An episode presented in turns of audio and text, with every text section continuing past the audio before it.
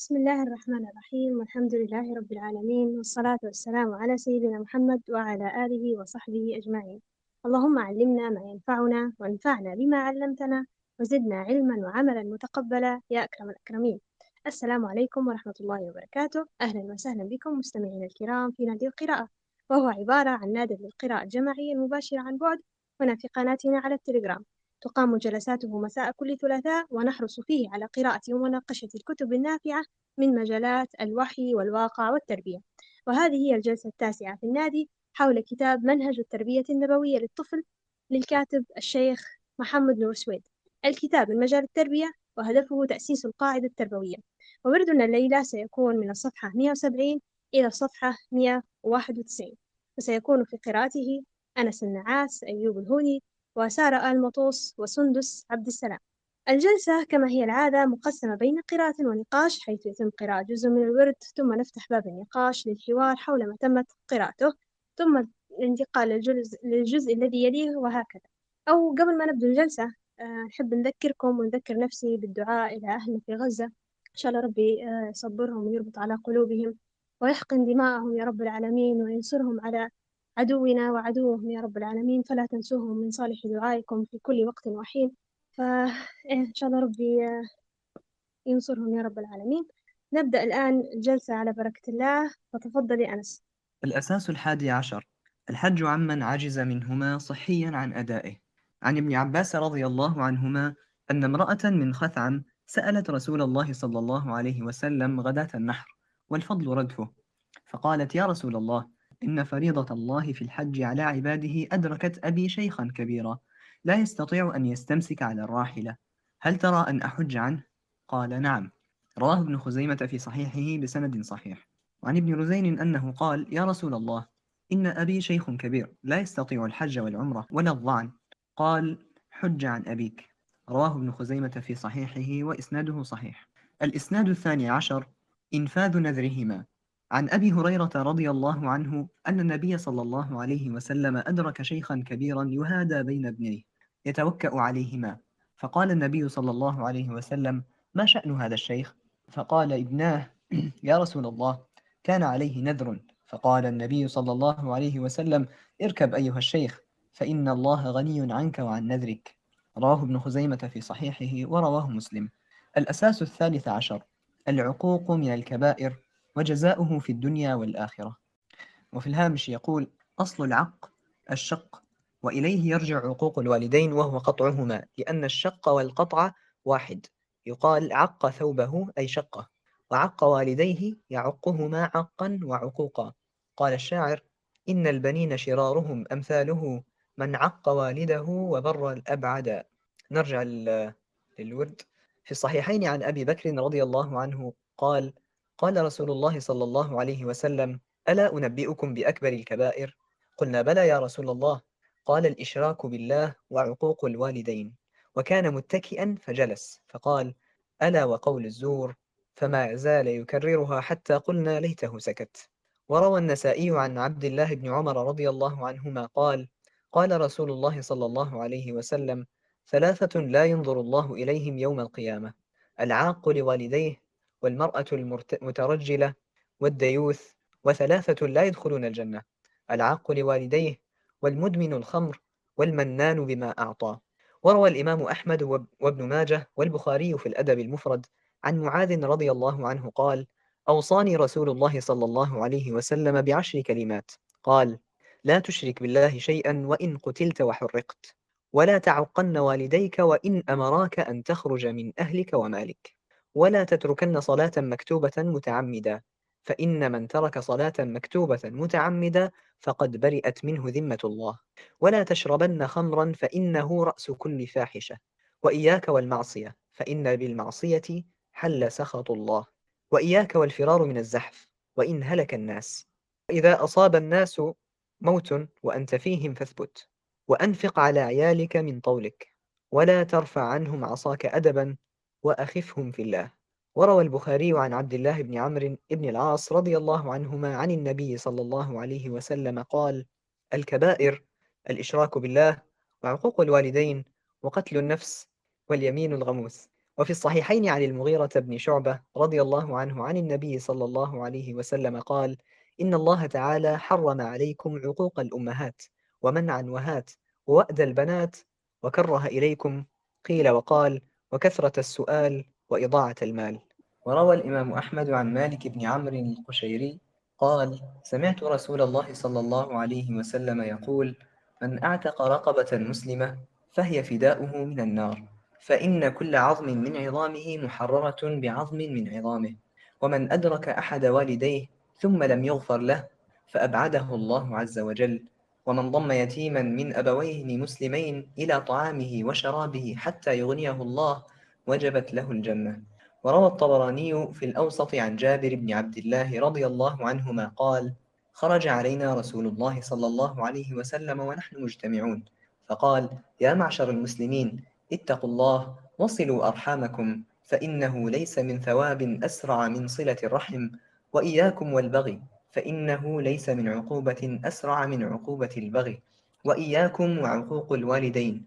فإن ريح الجنة توجد من مسيرة ألف عام. والله لا يجدها عاق ولا قاطع رحم ولا شيخ زان ولا جار إزاره خيلاء.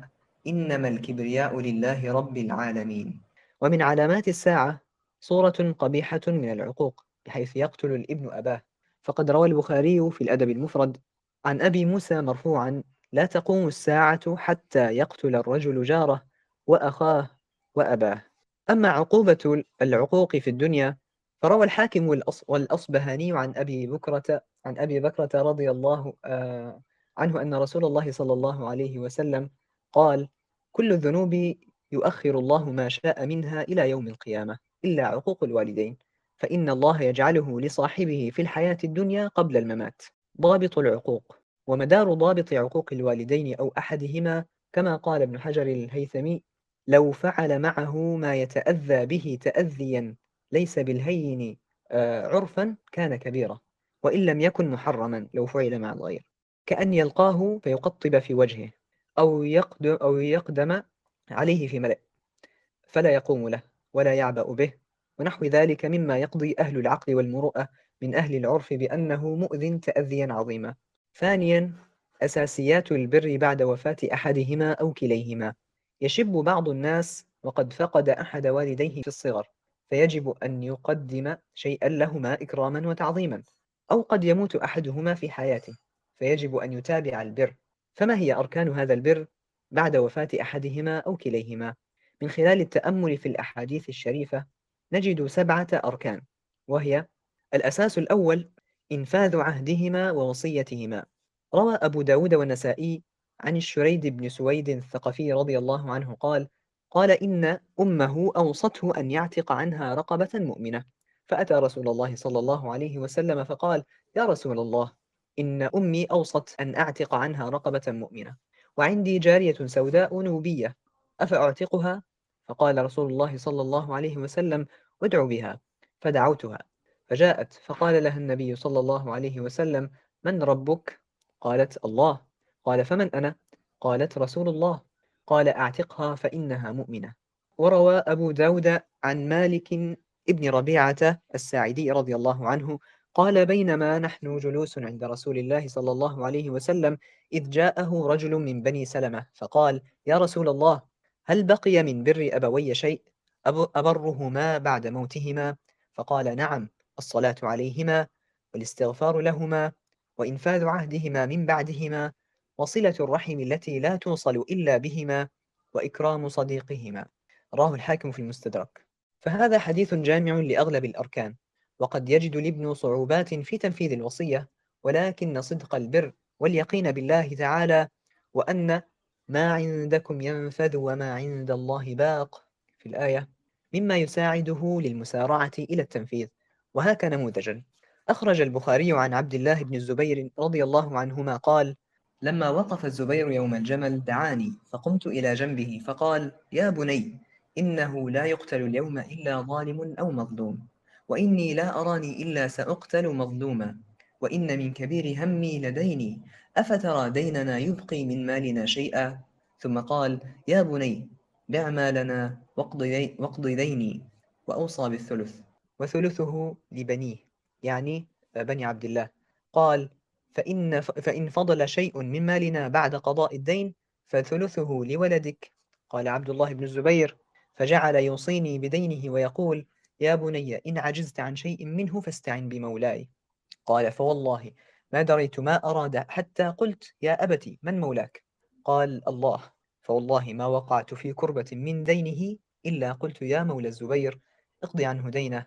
قال فقتل الزبير ولم يدع دينارا أو درهما إلا أرضين منها الغابة وإحدى عشرة دينارا بالمدينة ودارين بالبصرة ودارا بالكوفة ودارا بمصر. قاله وإنما كان دينه الذي كان عليه أن الرجل كان يأتيه بالمال فيستودعه إياه فيقول الزبير لا ولكن هو سلف فإني أخشى عليه الضيعة وما ولي إمارة قط ولا جباية ولا خراجا ولا شيئا إلا أن يكون في غزو مع رسول الله صلى الله عليه وسلم أو مع أبي بكر وعمر وعثمان.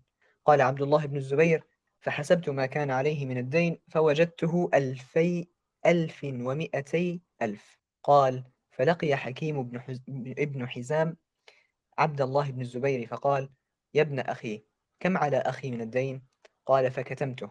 وقلت مئة ألف. فقال حكيم والله ما أرى من أموالكم تسع هذه. قال فقال عبد الله أرأيتك إن كانت ألفي ألف؟ قال ما أراكم تطيقون هذا؟ فإن عجزتم عن شيء عنه فاستعينوا بي. وكان الزبير قد اشترى الغابة بسبعين ومئة ألف فباعها عبد, عبد الله بألف ألف وستمائة ألف ثم قام فقال من كان له على الزبير شيء فليوافنا بالغابة. فأتاه عبد الله بن جعفر وكان له على الزبير أربعمائة ألف فقال لعبد الله إن شئتم تركتها لكم. قال عبد الله لا. فقال إن شئتم جعلتموها فيما تؤخرون إن أخرتم. فقال عبد الله لا. فقال فاقطعوا لي قطعة. فقال عبد الله لك منها هنا إلى ها هنا. قال فباع عبد الله منها فقضى دينه وأوفاه وبقي منها أربعة أسهم ونصف. قال فقدم علي معاو... فقدم على معاوية وعنده عمرو بن عثمان والمنذر بن الزبير وابن زمعة. قال فقال له معاوية كم قومت الغابة قال كل سهم بمئة ألف. قال كم بقي منها؟ قال أربعة أسهم ونصف. فقال المنذر بن الزبير قد أخذت منها سهما بمئة ألف. قال عمرو بن عثمان قد أخذت منها آه، سهما بمئة ألف. وقال ابن زمعة قد أخذت سهما بمئة ألف. قال معاوية كم بقي؟ قال سهم ونصف. قال قد أخذته بخمسين ومئة ألف. قال وباع عبد الله بن جعفر نصيبه من معاوية بستمائة ألف. قال فلما فرغ ابن الزبير من قضاء دينه قال ابن الزبير اقسم بيننا ميراثنا. قال لا والله لا أقسم بينكم حتى أنادي بالموسم أربع سنين. ألا من كان له على الزبير دين فليأتنا فلنقضه. قال فجعل كل سنة ينادي في الموسم. فلما مضى أربع سنين قسم بينهم ودفع الثلث. قال وكان للزبير أربع نسوة فأصاب كل امرأة ألف ألف ومئة ألف. قال فجميع ماله خمسون ألف ألف ومئة ألف. وهذا من عظيم البر الذي يقدمه الابن لوالديه مع اليقين وثقة بالله تعالى في تيسير أمر البر. وتنفيذ عهدهما جعلني الله وإياكم من البررة. وانتهى الورد. جزاك الله خيرا يا أنس على قراءتك الطيبة والموفقة. آه سبحان الله. آه كنا في الجلسة الماضية ابتدأنا في الأساسات اللي على أساسها يعني نقدر نبر آبائنا كما ينبغي وكما يحب الله ويرضى والجلسة هذه استكملنا باقي العناصر وإن شاء الله مع باقي الورد حنستكمل باقي العناصر. وهي أو أساسات هي آه، لحد الآن قرأنا آه، في 13 أساس. فسبحان الله يعني قداش ما أمر البر بر الوالدين أمر عظيم. بدأنا في إن كيف الإنسان سبحان الله آه، واحدة من أساسات البر اللي يقدر يبر بها والديه هو إنه هو يحج عليهم. ونعرف زي ما إحنا نعرف إن الحج فرض. فسبحان الله إن لو, لو الأب والأم ما قدروش يقوموا بهذا الأمر فابنهم يقوم بذلهم ويحج عليهم. أيضا الأساس الثاني عشر كان إنفاذ نذرهما. ونعرف أن النذر هو شبيه بالدين. يعني الإنسان لما يقول أنا مندير حاجة وما يديرهاش فمفروض أنه هو يديرها. فلو الوالدين ما قدروش إنه يديروا هذا الأمر فالابن يتكفل يقوم بهذه المهمة. يعني لهذا الدرجة عملية بر الوالدين يعني يعني عظيمة جدا. طبعا بعدين مرينا على الأحاديث العقوق وجزاها في الدنيا والآخرة. وصراحة يعني حاجة مخيفة جدا إن الإنسان إن عقوق الوالدين كذنب وكأمر كبير هو كبيرة من الكبائر إن الإنسان ما يؤجلش العذاب متاع على يوم القيامة إنما يعجل به في الدنيا. سبحان الله أكثر من حديث ذكر أن لا ينظر الله آه، يعني في ناس ما ينظر لهاش الله عز وجل يوم القيامة منها العاقل والديه الشخص اللي ما درسنا ريح الجنة يشم من مسيرة آه، سبعين سنة آه، أو سبعين يوم هذا الشخص ما, ما يستطيعش إنه يشمها من الكبائر يعني تهويل الأمر وتعظيمه أمر عظيم جدا فكرة عقوق الوالدين. يعني الإشراك بالله هو أول مرتبة في الكبائر ثم عقوق الوالدين. للأسف قاعدين نستهينوا بالأمر. واو ونوقع فيه إن شاء الله ربي يعني يعفو عنا ويغفر لنا ويرحمنا يا رب العالمين. قصة سيدنا الزبير آه، أو عبد الله بن الزبير والدين كيف هو سبحان الله بذل مجهود عظيم في في عملية إنه هو يبر أبوه ويدفع عنه الدين. قصة سبحان الله عظيمة جدا وكيف إنه هو يعني أثقل بهذا ال... بهذا الدين وقعد يخمم فيه ويفكر فيه وكيف أنا من... كيف أنا حنخلصه. سبحان الله ربي كيف ييسر له الأمور. هذا يعني من من الفتح سبحان الله. آه هذه بعد المراجعة للجزئية. لو أي حد عنده مداخلة أو حاب يعلق على الورد أو عنده تعليق فالمجال مفتوح لكم.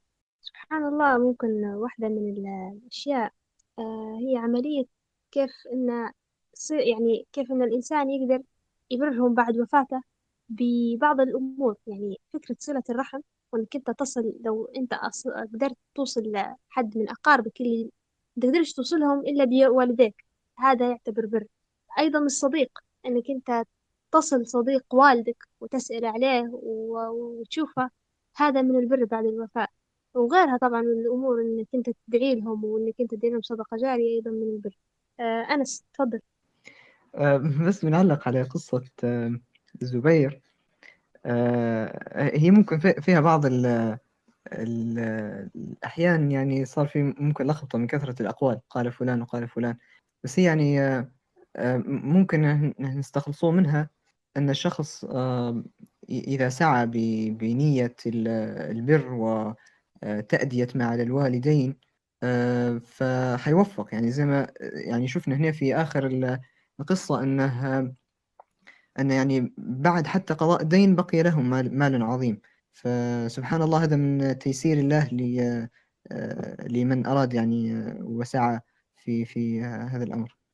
فعلا سبحان الله. وإنه واحدة من الأشياء اللي سيدنا زبير كان قال لو عجزت على إنك تسد الدين فالتجأ لمولاي. وهذا سبحان الله الماحة عملية التربية وكيف سيدنا الزبير ربى سيدنا عبد الله. يعني هو كبير في السن وخلاص آه، ما زال مستمر عملية التربية. ووجهه وين تمشي أنت. فقال يعني من هو مولاك؟ فقال أن الله عز وجل وهو حكينا كل ما عجز عن الأمر كان يقول يا مولى الزبير. فسبحان الله يعني آه، لفتت لي انتباهي الجزئية هذه. زي ما قلت سبحان الله أنا آه، صدق صدق البر كيف ربي يسهل للإنسان. وشو والإنسان ممكن يلتمسها هل في حياته إن دعوة صادقة من والديه أو إنه هو ياخذ رضاهم كيف الأمور تتيسر عليه وتتسهل. سبحان الله يعني الأب والأم أمرهم عظيم جدا وما يقدرش الإنسان يكفيه ويكفيهم ويوفيهم كل شيء هم ذروه بارك الله فيك أنس لو أي حد عنده مداخلة فممكن نأخذها قبل ما ننتقل للورد التالي إن شاء الله. هنعطي المايك لجيبة الرحمن. تفضلي السلام عليكم. وعليك السلام ورحمة الله وبركاته.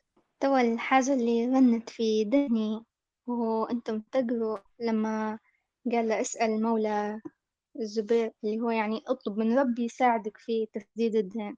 فاللي لفتني إنه مرات يكون من صعوبة البر مش بس دين أو مواصلة مثلا أو حاجة زي كي حتى ممكن اختلاف الطبائع النفسية وإنك تكون أنت أساسا كابن خاطرك تبرهم لكن مش فاهم هم شنو يبوا أو كيف توصل للي هم يبوه فيشتت مراتك فاللي لفت انتباهي في هذا إنه تسأل ربي يعينك ويوفقك في البر.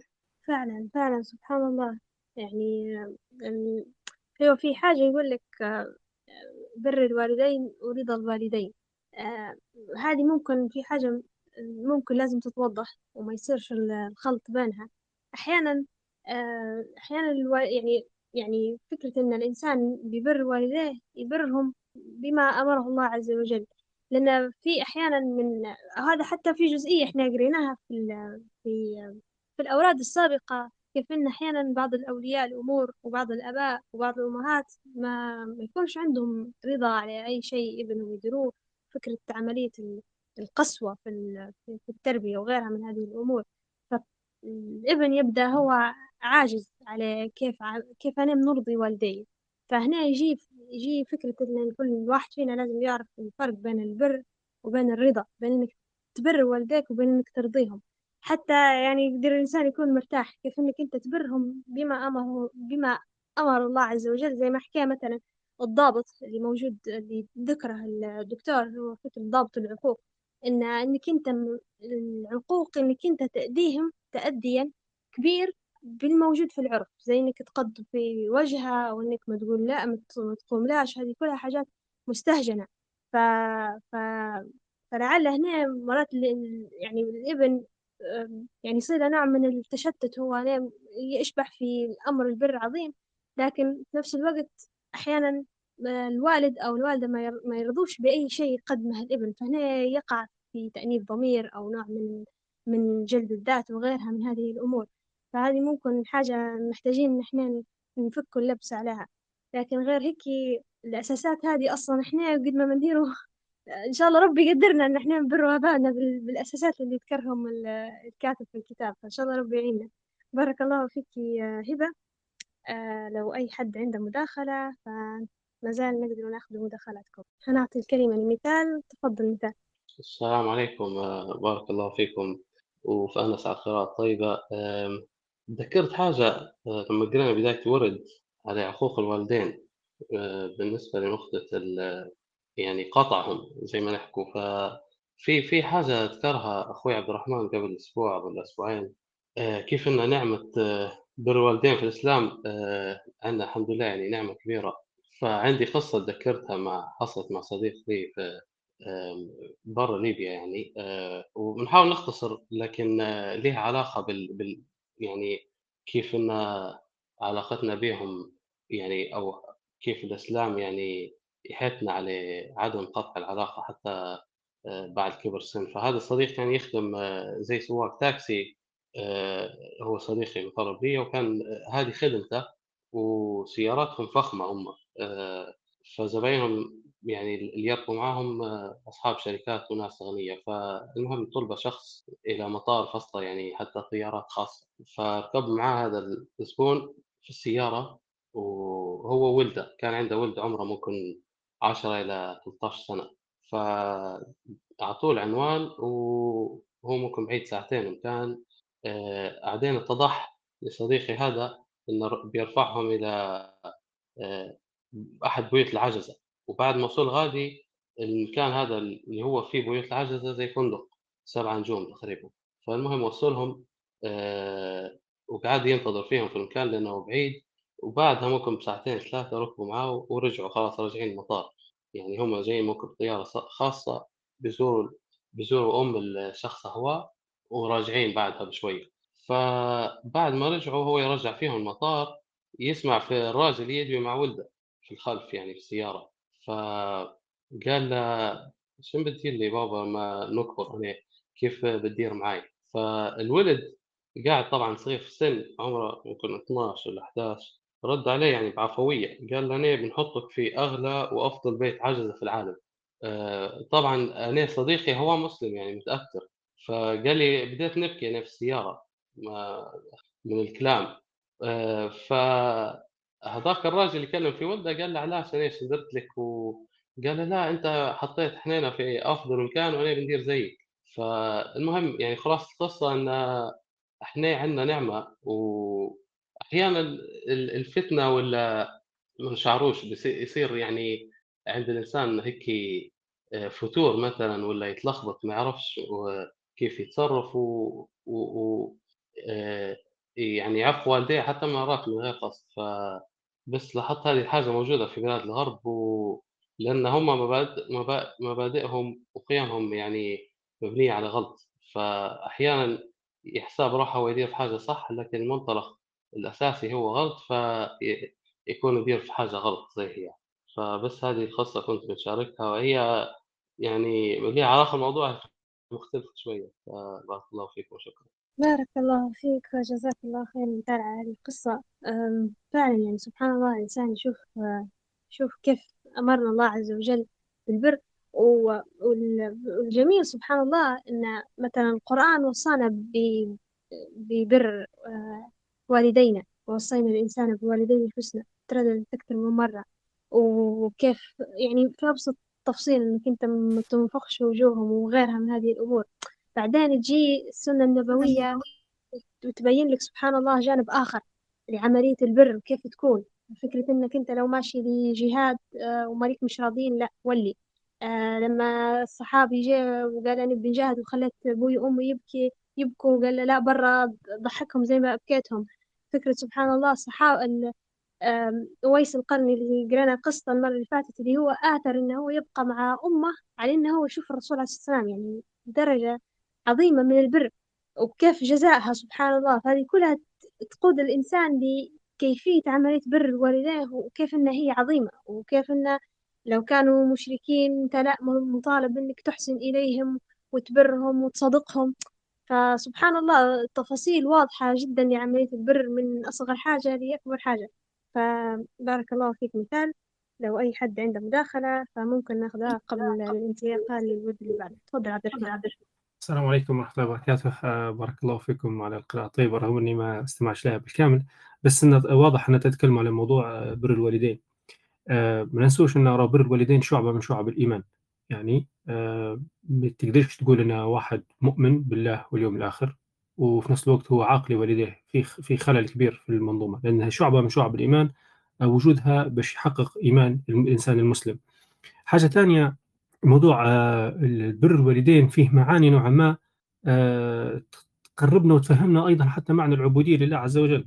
لأن أنت الانسان الله عز وجل قال وقضى ربك لا تعبدوا إلا إياه وبالوالدين إحسانا. كنا نعرفها. لكن إن إحنا لازم نقرن إن عبادة الله عز وجل إن علاقة إنسان العبد بالله السيد الرب. في علاقة ثانية هي علاقة الإنسان اللي هو الابن أو ابنة مع ابوه وام الوالد والوالدة. فالعلاقة هذه أعطاها ربي من القدسية من من الفضل شيء كبير جدا. فالوالد والوالدة مهما كانوا كبروا في السن أصحاء مش أصحاء أنت في علاقة بينك وبينهم ما تنتهيش. قاعدة بتقعد معك يعني آه، إلى يوم القيامة ممكن الناس تدعي على رأس كل واحد نفسي نفسي ذيك عالم آخر. نتكلم في الحياة طالما في الحياة الدنيا ارتباطنا بوالدينا راهو لازم يكون ارتباط إيماني مش فقط آه والله أبوي وأمي خلاص ارتباط اجتماعي أو ارتباط عرفي كما هو معروف. هو ارتباط إيماني آه، يجوا في دعائنا ندعو الله عز وجل يعني ندعو لهم بالرحمة ندعو لهم بكذا هم يدعوا لنا فلازم تكون هالاستحضار هذا موجود. زي ما ذكر مثال موضوع العالم الغربي وغيره واللي افكار بدات تسللنا موضوع النظرة المادية للأمور. يعني بدات نظرتنا للأمور مادية. حتى تو مثلا اللي صار الآن في الحرب الناس تنظر بمنظار العالم الدنيوي المادي. والله هذا اقوياء سلاح حلبه وقتلوا داروا فلا في حاجة غيبية في أمر في يوم القيامة. هذا هو اللي ناقص في المنظور الغربي. فهو يشوف يعني آه، الوهاب بن مسيري عبد الوهاب بن مسيري شنو يقول؟ يقول لو الإنسان الغربي بدأ بدأ يطبق في مبادئه اللي هي العلمانية حرفيا حيولي العالم بشع جدا. يعني هو الآن اللي يشد فيه مرة مرة شوية هيك يكونوا حنينين وكذا هي شوية قيم مسيحية قاعدة عندهم اللي هي تجدين قاعد في الأخير. لكن هو لو طبقوا المبدأ العلماني المادي يقول لك هذا الوالد والوالدة أصلح. عبارة عن إنسان لا قيمة له إنسان غير منتج. الإنسان الغير منتج إنسان عبء على الدولة فأحسن حاجة تخلص منه. يعني هم كانوا بيفكروا بالمنطق هو. يعني ما تتوقعوش حد مش حتستغربوا قصدي ما تستغربوش لو شفتوا حد في عالم غربي أو علماني يقتل بوهم ولا يرميهم ولا في طريقه لانهاش هذا المبدأ حيقودهم للنتيجة هذه. هم تو الآن يتصرفوا عكس المبدأ بتاعهم لو تشوفها حنين مع أبوه ولا أمه ولا نوعا ما. فالحمد لله نعمة الإسلام الحمد لله على أن الله آه، عرفنا آه، بحقيقة هالعلاقة العظيمة جدا علاقة الاب الإبن بوالديه والإبنة بوالديها. فهذا اللي حبيت نضيفه وبارك الله فيكم. بارك الله فيك عبد الرحمن. جزاك الله خيرا. فعلا يعني الإسلام قاعد آه، يحمينا من هذه الأفكار. إن شاء الله نستمسكوا به وما تخشناش هذه الأفكار ونضيع أكثر مما ضيعناه. آه الآن ممكن ننتقل لتكملة آه، باقي الورد مع أيوب. تفضل أيوب. السلام عليكم. بسم الله. الأساس الثاني الدعاء والاستغفار لهما. روى البخاري في الأدب المفرد عن محمد بن سيرين قال كنا عند أبي هريرة رضي الله عنه فقال اللهم اغفر لأبي هريرة ولأمه ولمن استغفر لهما. قال محمد فنحن نستغفر لهما حتى ندخل في دعوة أبي هريرة رضي الله عنه. وقد تقدم الحديث الصلاة عليهما والاستغفار لهما والصلاة هنا الدعاء لهما. وفي الحديث وولد صالح يدعو له.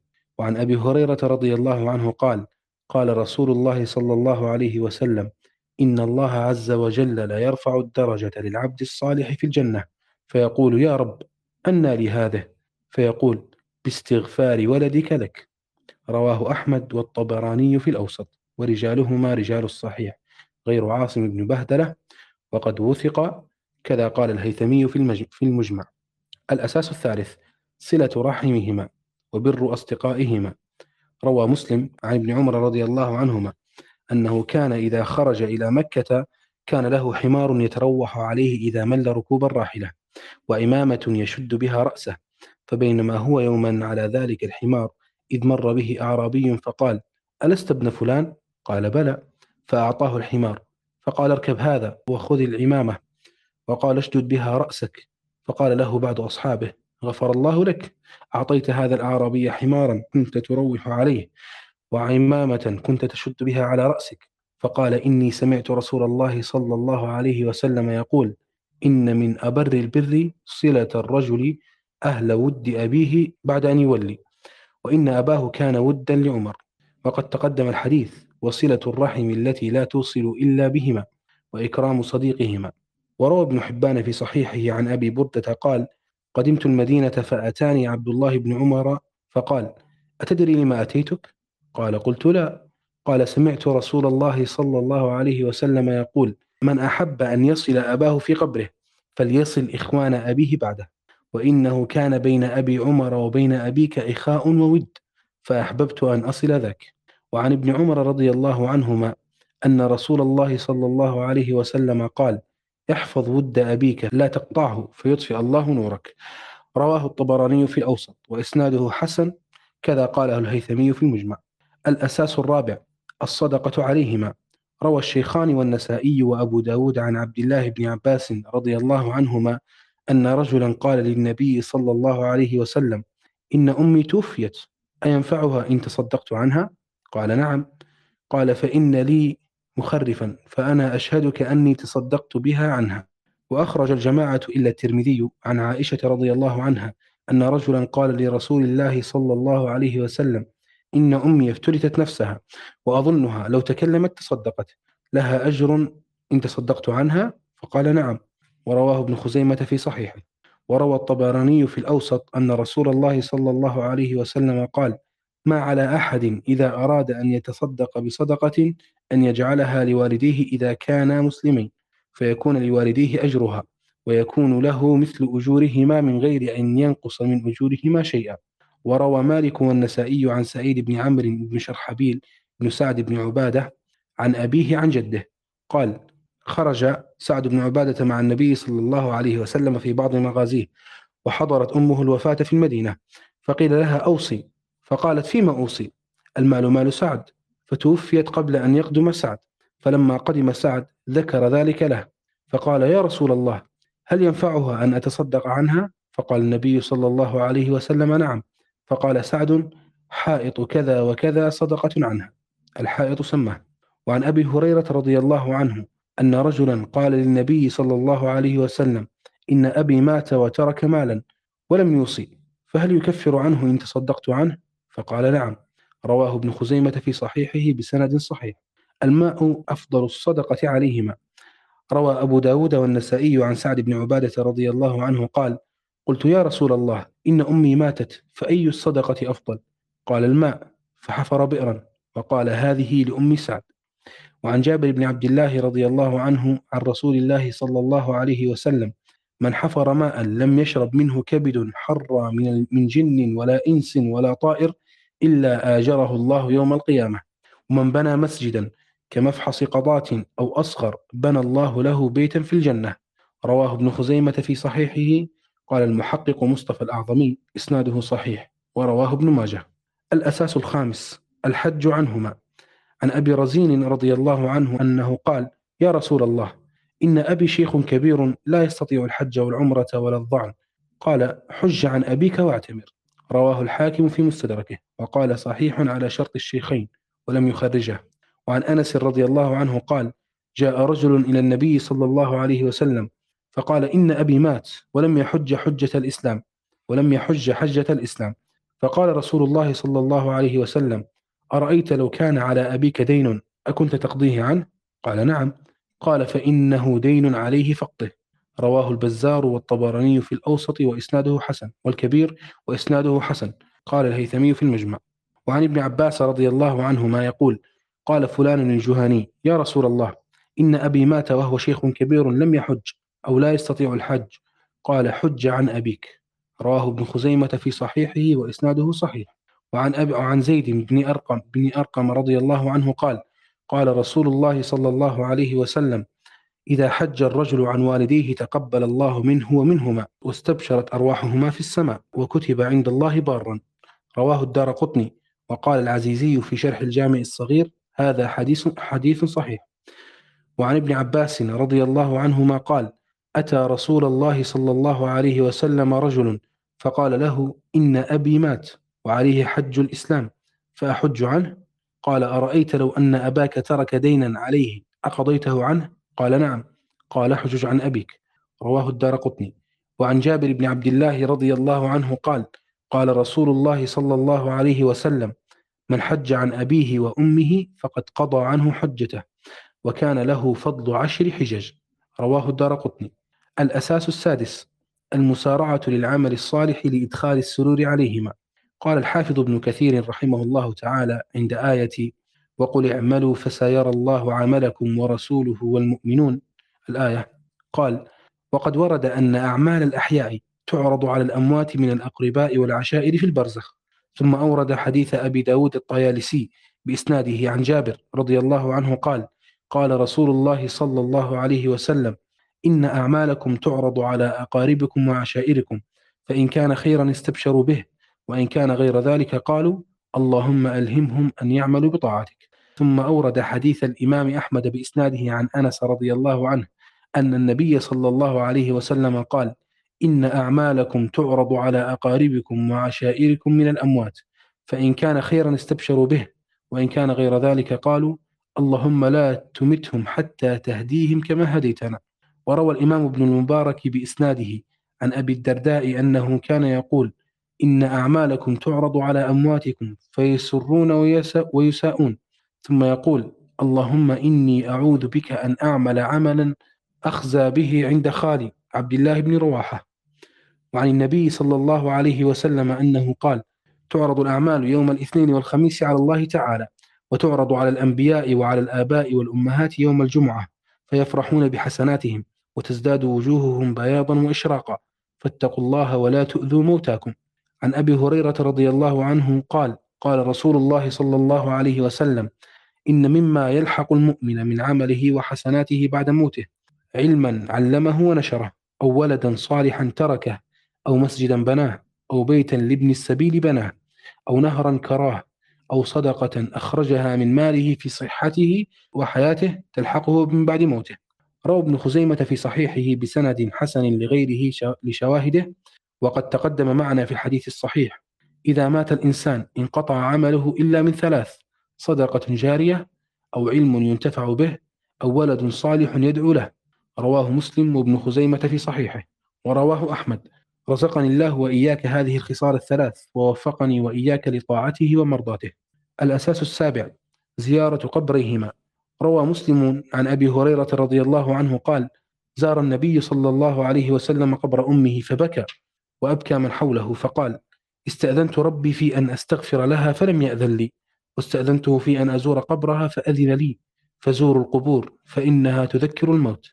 وعن ابن بريدة عن, عن أبيه قال قال رسول الله صلى الله عليه وسلم كنت نهيتكم عن زيارة القبور فقد أذن لمحمد في زيارة قبر أمه. فزوروها فإنها تذكر الآخرة. رواه الترمذي وقال حديث حسن صحيح.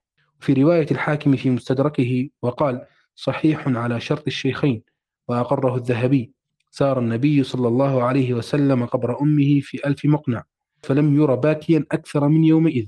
الأساس الثامن بر قسمهما وألا تستسب لهما. عن عبد الرحمن بن سمرة قال قال رسول الله صلى الله عليه وسلم من بر قسمهما وقضى دينهما ولم يستسب لهما كتب بارا وإن كان عاقا في حياته ومن لم يبر قسمهما ويقضي دينهما واستسب لهما كتب عاقا وإن كان بارا في حياته. رواه الطبراني في الأوسط وسكت الهيثمي في المجمع عن سنده. الأساس التاسع الصوم عنهما. عن عبد الله بن بريدة عن أبيه قال أتت امرأة إلى النبي صلى الله عليه وسلم فقالت إن أمي توفيت وعليها صوم شهرين. فقال صومي عنها. فقالت إن عليها حجة. قال فحجي عنها. قالت فإني تصدقت عليها بجارية. فقال قد آجرك الله وردها وردها عليك الميراث. رواه الحاكم في مستدركه وقال صحيح الإسناد ولم يخرجه. وأقره الذهبي. انتهى الورد هنا. بارك الله فيك يا أيوب. جزاك الله عنا خيرا آه، على هذه التلاوة الطيبة والموفقة. والآن آه، ننتقل لنقاش. يعني سبحان الله آه، يستمر معنا بر الوالدين حتى بعد وفاتهم. ولما يقرأ أيوب في جزئية كيف إن إحنا نبر آبائنا بصلة أصدقائهم أمر عظيم سبحان الله. يعني ما لا مش آباء مش أصدقائهم فقط. يعني سيدنا عبد الله بن عمر صار حتى ابن صديق والده. فسبحان الله قديش ما الأمر البر أمر عظيم سبحان الله. وصدق عليهما وآخر جزئية اللي هي يعني جزئية بر قسمهم ولا تستسب لهم افتتني هل بأن الشخص اللي يعني يبر قسم والديه ويقضي دينهم ولا يستسب لهم؟ كتب بارا وإن كان عاقا في حياته. يعني ممكن هذا شيء ك مش نقول الأمل ولكن الإنسان اللي لعل اللي عق والديه في حياته ممكن إنه هو يصلح هذا الأمر. جزئية أيضا سبحان الله المسارعة للعمل الصالح لإدخال لإدخال السرور عليهما وكيف إن الأعمال هذه أول مرة تمر علي في حياتي سبحان الله. كيف إن الأعمال تعرض على الموتى وكيف إنهم يستبشروا بها ولو ما فيهاش أعمال حسنة كيف إنهم يدعوا بأن بأن الله عز وجل يهدينا للأعمال الصالحة. آه، الجزئية هذه من الكتاب يعني يعني قديش ما الإنسان ممكن يسمع أشياء عن بر الوالدين إلا أن سبحان الله حديث الرسول عليه الصلاة والسلام والسنة النبوية تكفي إن هي ترشدك لل... لعظم الأمر وترشدك ل... للطريق الصحيح فيه. سبحان الله. لو أي حد عنده مداخلة أو أو أي شيء لفت انتباهه في الورد فالمساحة مفتوحة لكم. آه السلام عليكم. آه بارك الله فيك أيوب على القراءة الطيبة والموفقة. في شيء لفت انتباهي صراحة في الورد؟ اللي هي موضوع يعني في أحكام شرعية زي مثلا الصيام آه عليهم أو الحج أو إن صدقة عليهم سبحان الله. يعني أنا أعرف إن إحنا العبادة الشخص يقوم بها لنفسه. يعني أنت بتقوم بعبادة تعبدا لله عز وجل تصدق تحاول تنجي نفسك يوم القيامة.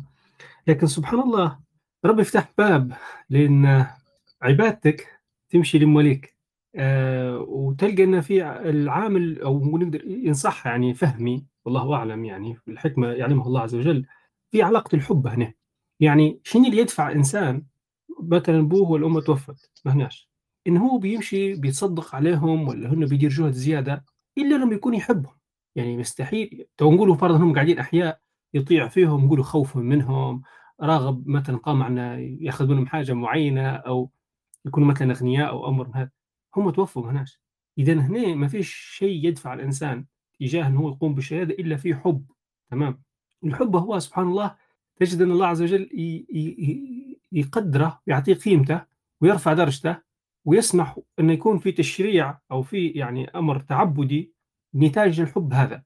فكيف الحب سبب أن هو باب من الشرع انفتح للجانب هذا؟ وبالعكس عليه أجر وهذا أمر في الأخير هو نفل يعني مش فرض على الإنسان يديره.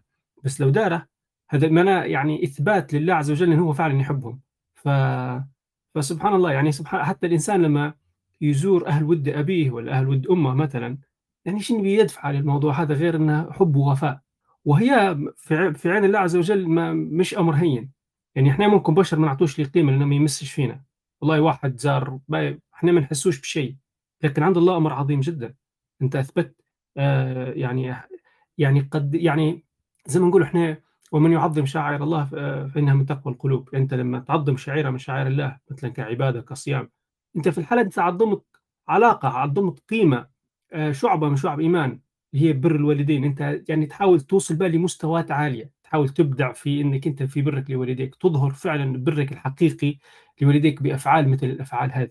فهذه اللي حبيت نضيفها بس وسامحوني على الإطالة. بارك الله فيكم بارك الله فيك يا عبد الرحمن. فعلا سبحان الله اللمحة اللي أرسلت لها وعلاقة الحب سبحان الله أه كيف إن الإسلام يجرك للأمر هذا يجر يعني إنك أنت لما زي ما حكيت على نقطة العبودية كيف إن الإنسان أه أه هو هو أنت ملزم إنك تتعبد الله عز وجل كما يشاء الله مش كما تشاء أنت. ولما زي ما حكيت إن بر الوالدين شعب من شعب الإيمان وغيرها من هذه الأمور الإنسان يشعر بمهابة الأمر ويقبل عليه. أنت في الأخير شنو تبي؟ أنت تبي يقول لك بر الوالدين من يعني رضا الوالدين من رضا الله عز وجل أو برهم من من بر الله. فأنت أنت أنت تبي رضا الله عز وجل تبي آه، يعني تخل تبي الله عز وجل يحبك تبي الله عز وجل يرضى عليك. فالله عز وجل وراك الطريق. فلما تشوف هذه الطريق أنت وتستشعر هذه الأمور حينمو في قلبك حب حب حب والديك والإقبال عليهم وإقبال على فعل هذه الأمور وتسعى لذلك. ف... ف... فسبحان الله يعني أمر عظيم جدا. آه بارك الله فيك عبد الرحمن. لو آه حاب في حد تاني عنده مداخلة أو حاب يشاركنا أنا أعطي الكلمة الآن لبسمة. تفضلي بسمة. السلام عليكم ورحمة الله وبركاته. جزاكم الله خيرا جميعا. على القراءة وعلى المجهودات الطيبة.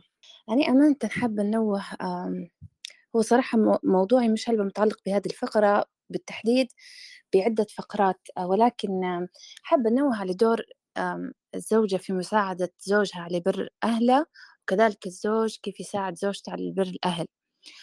آه، لأن مع الأسف في ليبيا في تخالط هلبة كبير بين العرف وبين الحقوق والواجبات خاصة خاصة فيما يخص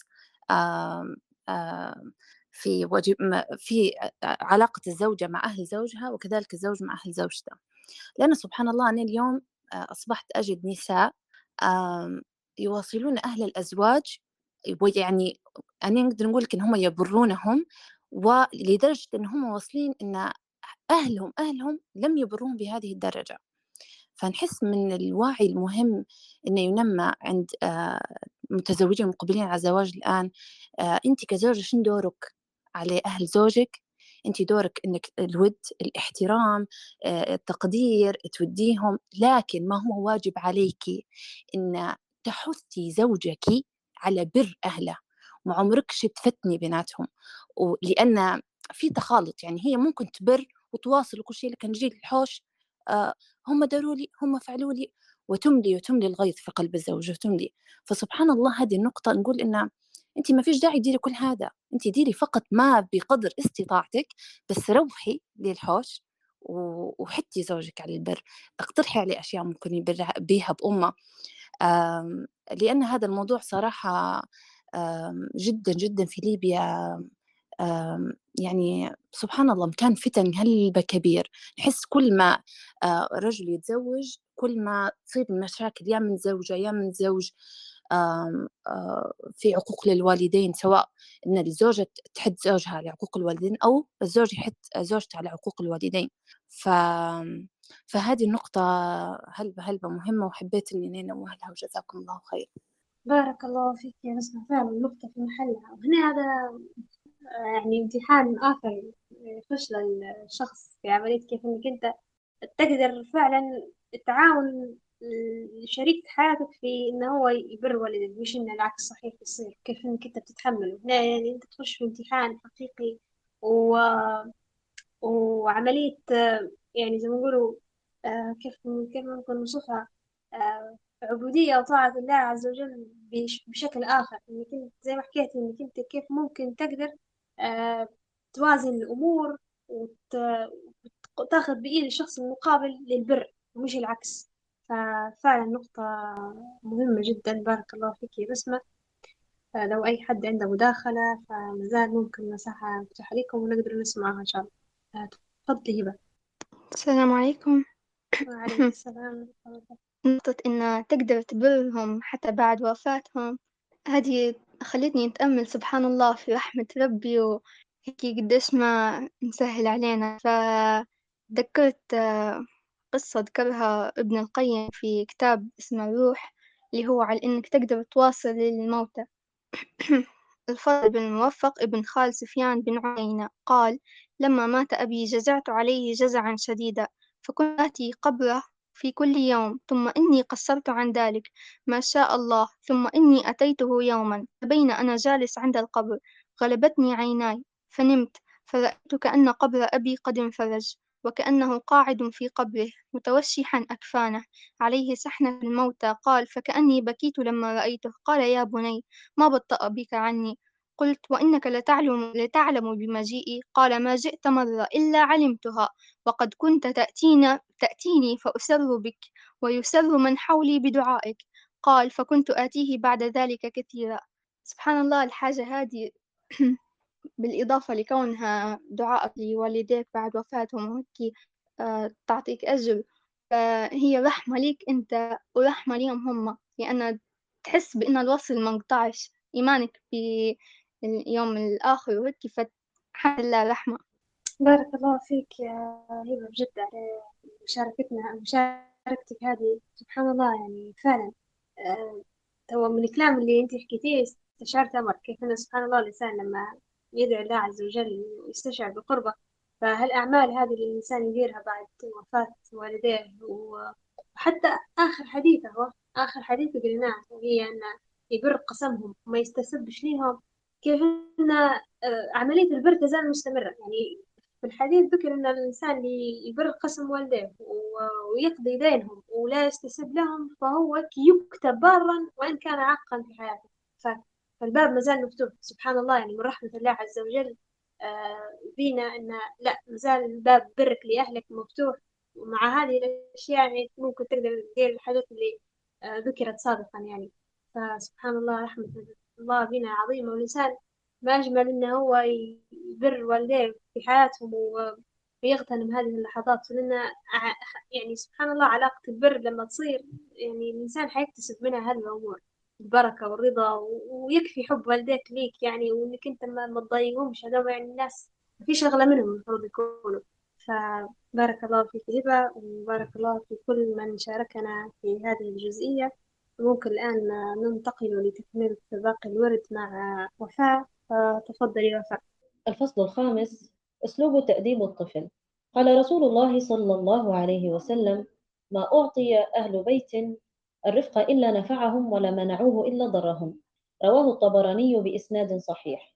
تمهيد. أسس تأديب الطفل. الأساس الأول التأديب ضرورة تربوية.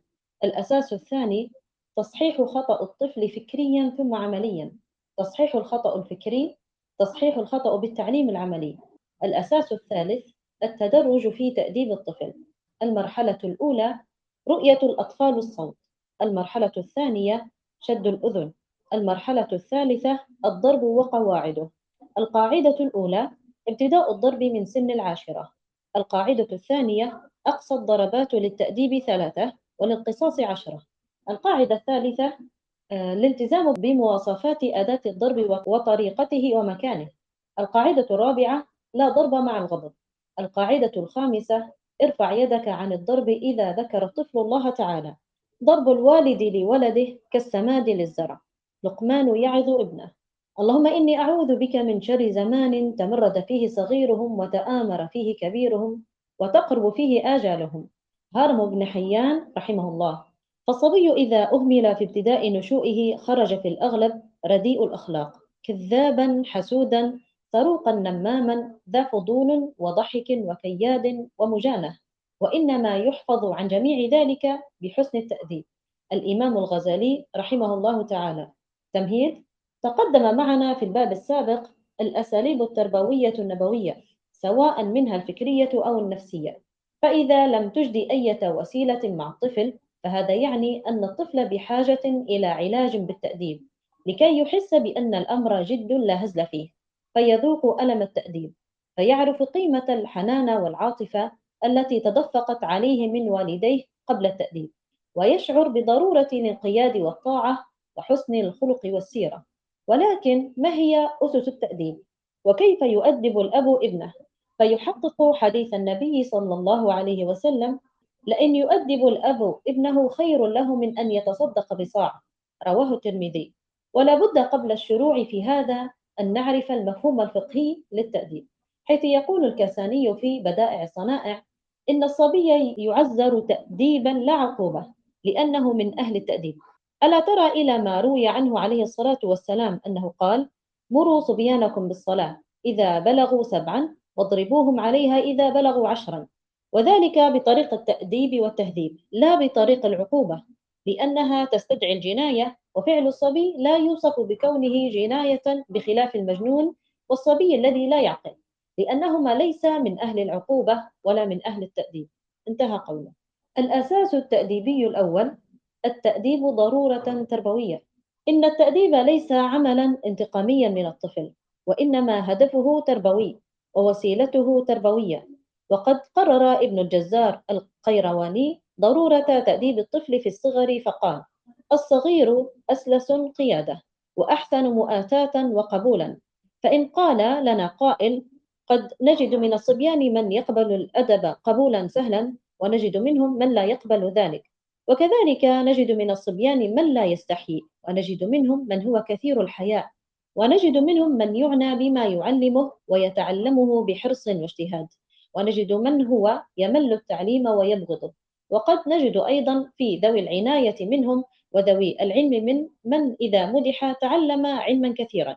ومنهم من يتعلم إذا عتبته أو عاتبه المعلم ووبخه ومنهم من لا يتعلم إلا للفرق من الظن وكذلك نجد اختلافا كثيرا ومطردا في الذين يملون التعلم و...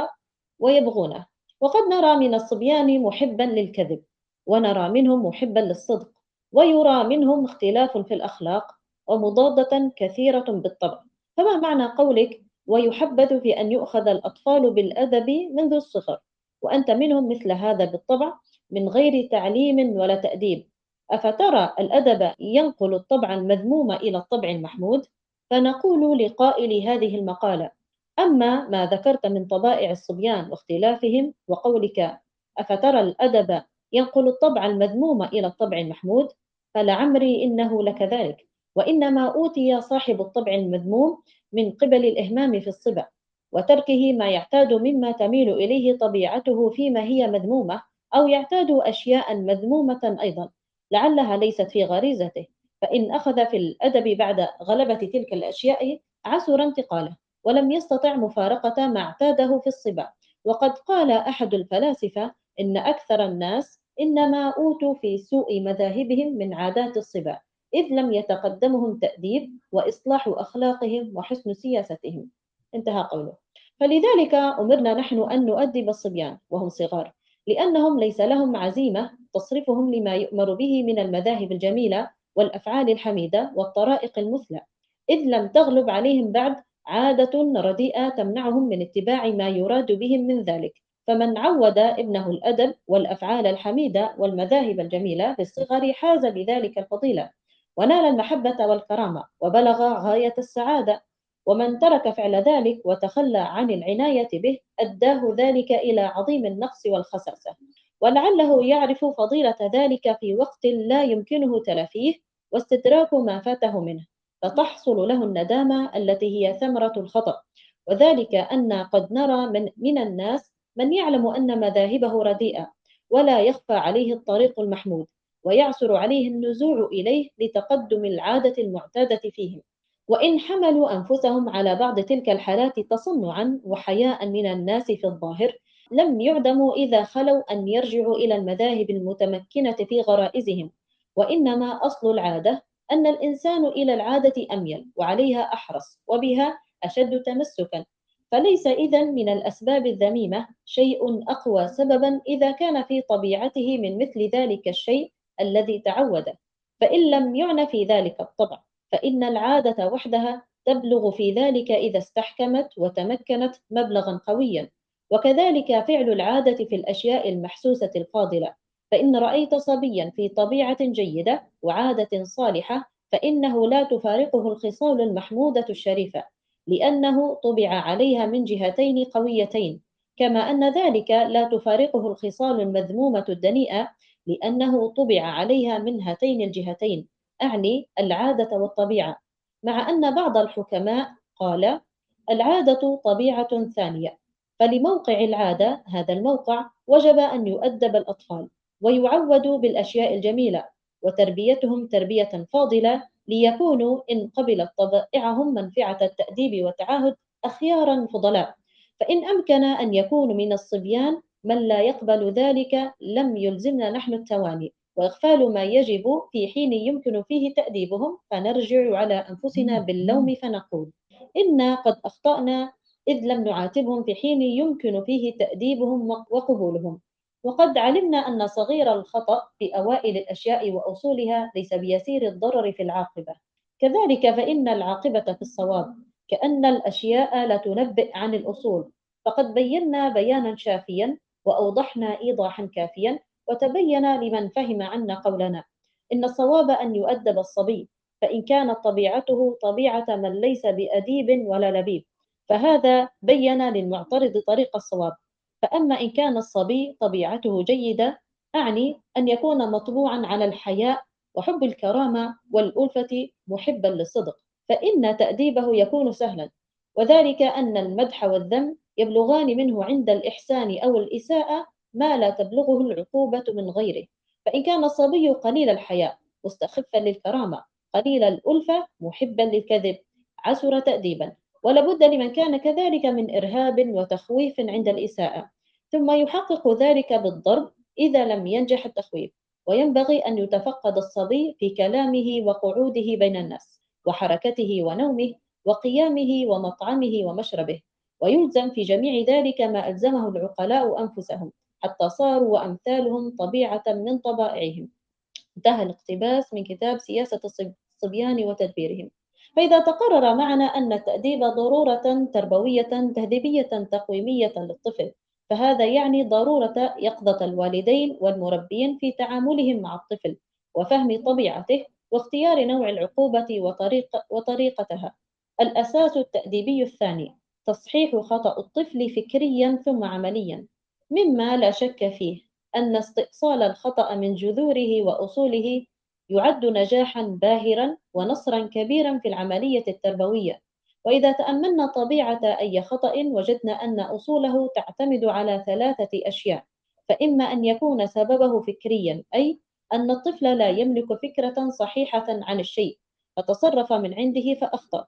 وإما أن يكون السبب عمليا أي أن الطفل لا يستطيع أن يتقن عملا ما ولم تدرب أصابعه على العمل فأخطأ. وإما أن يكون السبب ذات ذات الطفل وتعمده الخطأ أو من ذوي الطبائع العنيدة لذلك يصر على الخطأ. لهذا فإن تحديد أصل الخطأ يسهل كثيرا في تلافيه. انتهى الورد. بارك الله فيك يا وفاء. جزاك الله خيرا على قراءتك الطيبة والموفقة. آه والآن نفتح باب النقاش. حول جزئية مهمة جدا جدا جدا. وهي آه عملية تأديب الأطفال. كيف تتم هذه العملية؟ و... وش الفوائد اللي يعني بتعم بعدين لو تمت ال... تمت عملية التأديب هذه؟ وكيف تتم عملية التأديب؟ يعني سبحان الله من أول ما بديت وفاء آه، تتكلم أول حاجة خطرت في بالي هي كل مولود يولد على الفطرة فأبواه إما يهودانه أو يوجسانه أو ينصرانه. ففكرة هذا الإنسان اللي مولود على الفطرة الحديث هو يشمل حتى فكرة كيف إنك أنت تحفظ الخصال الحسنة اللي لو موجودة في في في نفس الطفل وتحماها وتنماها وت- وتزيد تبينها. في نفس الوقت أي لو كانت في أي خصال موجودة في ذات الطفل سيئة كيف إنك أنت تجتثها وتنحاها. نتذكر في واحدة من محاضرات المهندس أيمن عبد الرحيم آه، يحكي على فكرة كيف كانوا الصحابة يربوا في أطفالهم وكيف يعتنوا بهم يعني. وهي عملية تأديب الأطفال. كيف إن الطفل لما لما تربيه زي ما نقولوا على الصح وعلى الخطأ وفي بعض التفاصيل ما تخليش هيك وخلاص آه، إنما هو هذا شيء يعني يرجع في حتى علاقته بالله عز وجل أحكي على كيف إن الإنسان كيف يعلم الطفل إنه لما حد يعطيه حاجة يشكره كيف إنه يحمد الله بعد الأكل كيف إن هذه الأمور تساعد على الشعور بالامتنان بنعم الله عز وجل عليه وإنه هو ما يكونش الشخص هذا متكبر ومش متواضع وعنده هذيك النفس الأنانية اللي أنا يعني تحصل على كل شيء ومش لازم نشكره فكيف انعكاسات عملية تأديب الأطفال وزرع الخصال الحسنة أو تثبيتها خلينا نقوله ونزع ال- الخصال السيئة من نفوسهم كيف تأثر عليهم بعدين ف... فهذه يعني أول شيء ممكن اختار في بالي لما وفاء تقرأ في الولد آه بعدين في الأساس ال- الأساس الأول اللي يعني يتكلم على عملية التأديب ضرورة تربوية و... ولما أتكلم على نقطة أو خلينا نقول في الأساس الثاني اللي هي كيف إن المشكلة أو أو الخطأ اللي يقع فيه الطفل من. ليه ثلاثة أبواب زي ما نقولوا. إنه هو الطفل عنده فكرة خاطئة فهو يعني لازم أنت تصلح الفكرة أو إنه هو العمل ما يعرفش يديره أو إنه هو الطفل عنيد في ذاته. ديما ي... هل بينبهوا على فكرة إنك أنت لما بتجيب تعاقب ابنك لازم تقول له ليش عاقبته أو بتأدبه ليش عاق... أدبته إن هو ما يكونش حساب إن هذا الشيء غلط. أنت محتاج إنك أنت تصلح له الفكرة بالأساس حتى هو يقدر يستوعب ال- الخطأ وين أو أو وين فهذه أول حاجة ممكن تشد في انتباهك. لو أي حد عنده مداخلة أو تعقيب أو أي شيء يقوله تفضل تفضلي بس. آه، جزاكم الله خيرا. أنا تعقيبي على آه، موضوع اللي هو تطبيع الطفل بالطبائع الجيدة؟ لأن هذا الموضوع هو سلاح ذو حدين. لو المربي معرفش يستغل آم، فرص تكرار الأوامر لأن هي أنت مش بتطبعيه بطباعة كويسة في أوامر بتتكرر. لكن لازم يكون المربي دائما منتبه على طريقة إعطاء هذه الأوامر. يعني مثلا لو أنا قعمست آه، الولد مثلا هو قاعمس بياكل مثلا مثلا طيح أو مكلاش بإيده اليمين أو فأنا لو قاعد نقول ها كل بيدك اليمين لا ما تاكلش باليسار ها طيحت ها مش عارفة شنو. فهو يحس في روحه في حالة من الترقب وفي حالة يعني يحس روحه كأنه في معسكر بالضبط. فيبدأ في حالة من التجنش والتوتر وهذا يولد يولد تصرفات مش مرغوبة بطريقة غير غير إرادية بالضبط يعني خارجة عن سيطرته. فهني لازم المربي يركز هلبة كويس كيف إني أنا بالتكرار نطبع طبايع كويسة لكن بطريقة حسنة. أم، ماما من فضلك أنت قاعد تاكل بيسار كل باليمين. ماما لو سمحت قرب الكرسي لأن الماكلة قاعدة تطيح. أو طبعا طبعا أوامرنا مش حتستجاب من أول مرة. يعني خلونا شوي صريحين خاصة مع الأطفال اللي هو من أق... يعني أقل من عشر سنوات. فنحس من عشر سنوات يبدأ شوية العقل يخدمها غير. فالإنسان لازم يوسع باله ويحتسب يحتسب آه، في صبره وفي الأسلوب ال- الطيب ما يكونش يعني تو- توجيهات عبارة عن انتقام أو يعني لأن في هلبة أو أغلبنا نحن كبرنا بطريقة معينة مالين يعاملونا بها بدون قصد وبدون وعي منهم. فمرات لا تلقائيا تطلع في الصغار فالإنسان لازم يكون منتبه في هذه النقطة آه، ويحتسب فيها وجه الله لأن هي صراحة جهاد خاصة مع الصغار أمانة. الواحد يلقى روحه يعاود ويعاود ويكرر وممكن ما تصيرش وهنا وين تصير؟ ممكن الاستفزاز أكثر فأسأل الله أن يعيننا ويعين كل مربي يا رب العالمين. جزاكم الله خيرا.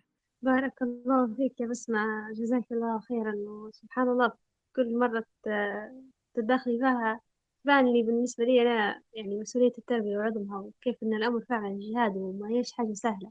آه على نقطة كيف إن الأطفال البداية يعني هم صغيرين في السن ما يكونوش مدركين.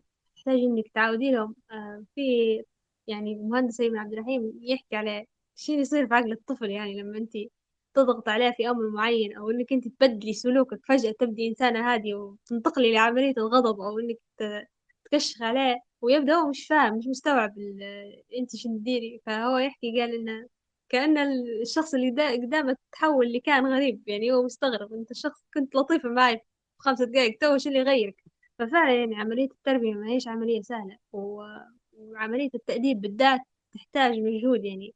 ديما في الأوقات الصفاء وأوقات ال- زي ما نقول مفيهاش مشاكل الأمور سهلة ويسيرة.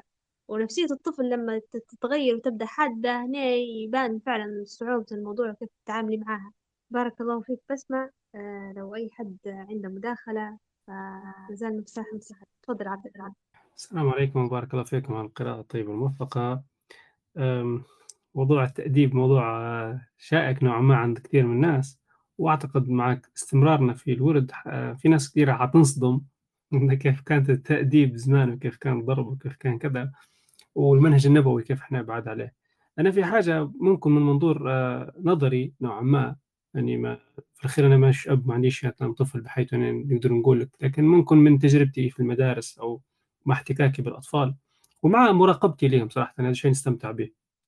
آه، تلامست مع معاني من معاني اسم الله الحسنى اللي هي اسم الله الحليم. يعني تخيلوا سبحان الله يعني لو. لو لله المثل الأعلى بنديروا تشبيه بس بنحاول نشوف المعنى بتاع الحلم. يعني تخيلوا آه، الله عز وجل كل خطأ وكل ذنب نديروه وكل حاجة بتنزل عقوبة علينا. ضعنا ما فيش يقعد في الأرض هذه يعني خلاص يعني إحنا إحنا وباد آه، على كل خطأ على كل زلة بتنزل عقوبة أو بيجينا مثلا تخويف صاعقة بتنزل من السماء ما بيجيناش تقول لك؟ بيجينا تخويف مثلا. كيف تتخيلوا إحنا حيكون حتكون عب- عبادتنا لله عز وجل وكيف تكون حياتنا؟ آه، هذا مع- معنى يحتاج التدبر فيه. لو بنسقط الأمر هو بنحاول نشوف نفسنا إحنا الأبناء أمامنا. آه، إحنا مسؤولين عليهم إحنا نعتبره رب البيت يعني في الأخير بالنسبة للطفل يعني في هالسياق هذا إحنا مسؤولين عليه. إحنا لازم نحاول نس- نستحضر معنى اسم الله الحليم الرحيم في تعاملنا مع الطفل. يعني بتحاول كيف زي ما. زي ما انت إنسان مذنب كثير الذنوب وقديش في القرآن آيات ويوضح فينا ومع ذلك نذنب. إحنا زي الطفل ذاك اللي قاعد يغلط ويغلط ويغلط. في حاجة لاحظتها سبحان الله مرة يعني كنا في المسجد نصلوا يعني كالعادة يعني ال- المصلين لما يوقفوا بخشوع والسكوت وكذا. فجأة يجي طفل يكسر الصمت هذا كله ويجري يلعب يلعب يلعب ويجي ويناسب ويناشب هذاك ويناشب كذا. والمصلين محافظين على رباط جاتهم ويصلوا قصدي ماشيين يعني ما يتحركوش ما يتفاعلوش مع الطفل ماشيين مركزين في العبادة. يعني نصلوا ونركعوا يعني بغير ما إحنا أجي واحد مثلا يقول له اسكت ولا كذا لا صلاة في الأخير. بنشد وروحنا تكمل الصلاة بعدين نتفاهم مع الطفل مش عارف شو بنديروا له مثلا. فاختار في بالي سبحان الله شفت الطفل هذا اللي يجري ويحوس ويدير؟ كأنه هو الإنسان. الإنسان كله شبهته بالطفل هذا. وإن الناس اللي تصلي واقفة في عبادة الله عز وجل هو الكون. السماوات والأرض والجبال والأرض كل شيء حوالينا. اللي كل شيء حوالينا الحمد لله ربي خلقه بشكل مستقر. الأرض مستقرة السماوات قاعدة مستقرة شادة روحها كل شيء تمام. لأنهم هم كلهم في عبادة لله عز وجل. أما الإنسان قاعد يرتع ويسرح ويمرح وي- ويدير مش مدرك ل ال- كيف إن الكون كله خاشع لله عز وجل. ممكن معاه آه، يوم القيامة السماوات تتغير والأرض تتغير زي كأن هاي المصلين ينتهوا من الصلاة. كيف فهمتها؟ بعدين الإنسان يدرك إن هذا في كان في شيء هو كان مدرك ليه. فبس حبيت نقولها من الكلام هذا كله بالكامل. كيف إحنا بنحاول نربطوا معاني اسم الله الحسنى بالذات اسم الله الحليم انه هو يصبر علينا وما يعاجلناش بالعقوبة. آه، في تربيتنا للأطفال. وبارك الله فيكم. بارك الله فيك يا عبد الرحمن. جزاك الله خيرا. فعلا سبحان الله الربط هو وتشبيه حالنا وتعاملنا مع الأطفال واستشعار فعلا أسماء الله الحسنى. وكيف إن الإنسان يعني آه، هو عنده يعني مقارنة مثلا بالطفل أنت عندك علم بسيط فتستشعر فعلا اسم الله العليم واسم الله الحليم واسم الله ال... كل وال- والكريم وكل شيء فعلا تستشعره في معاملتك مع الطفل وفي صبرك معه بارك الله فيك عبد الرحمن. آه، لو أي حد عنده مداخلة فممكن مازال آه، ناخذها. تمام ممكن بما أنه في شيء مداخلات ممكن نستكمل الورد مع عبد الرحمن تفضل عبد الرحمن آه، تمام بسم الله. أولا التصحيح الفكري لخطأ الطفل.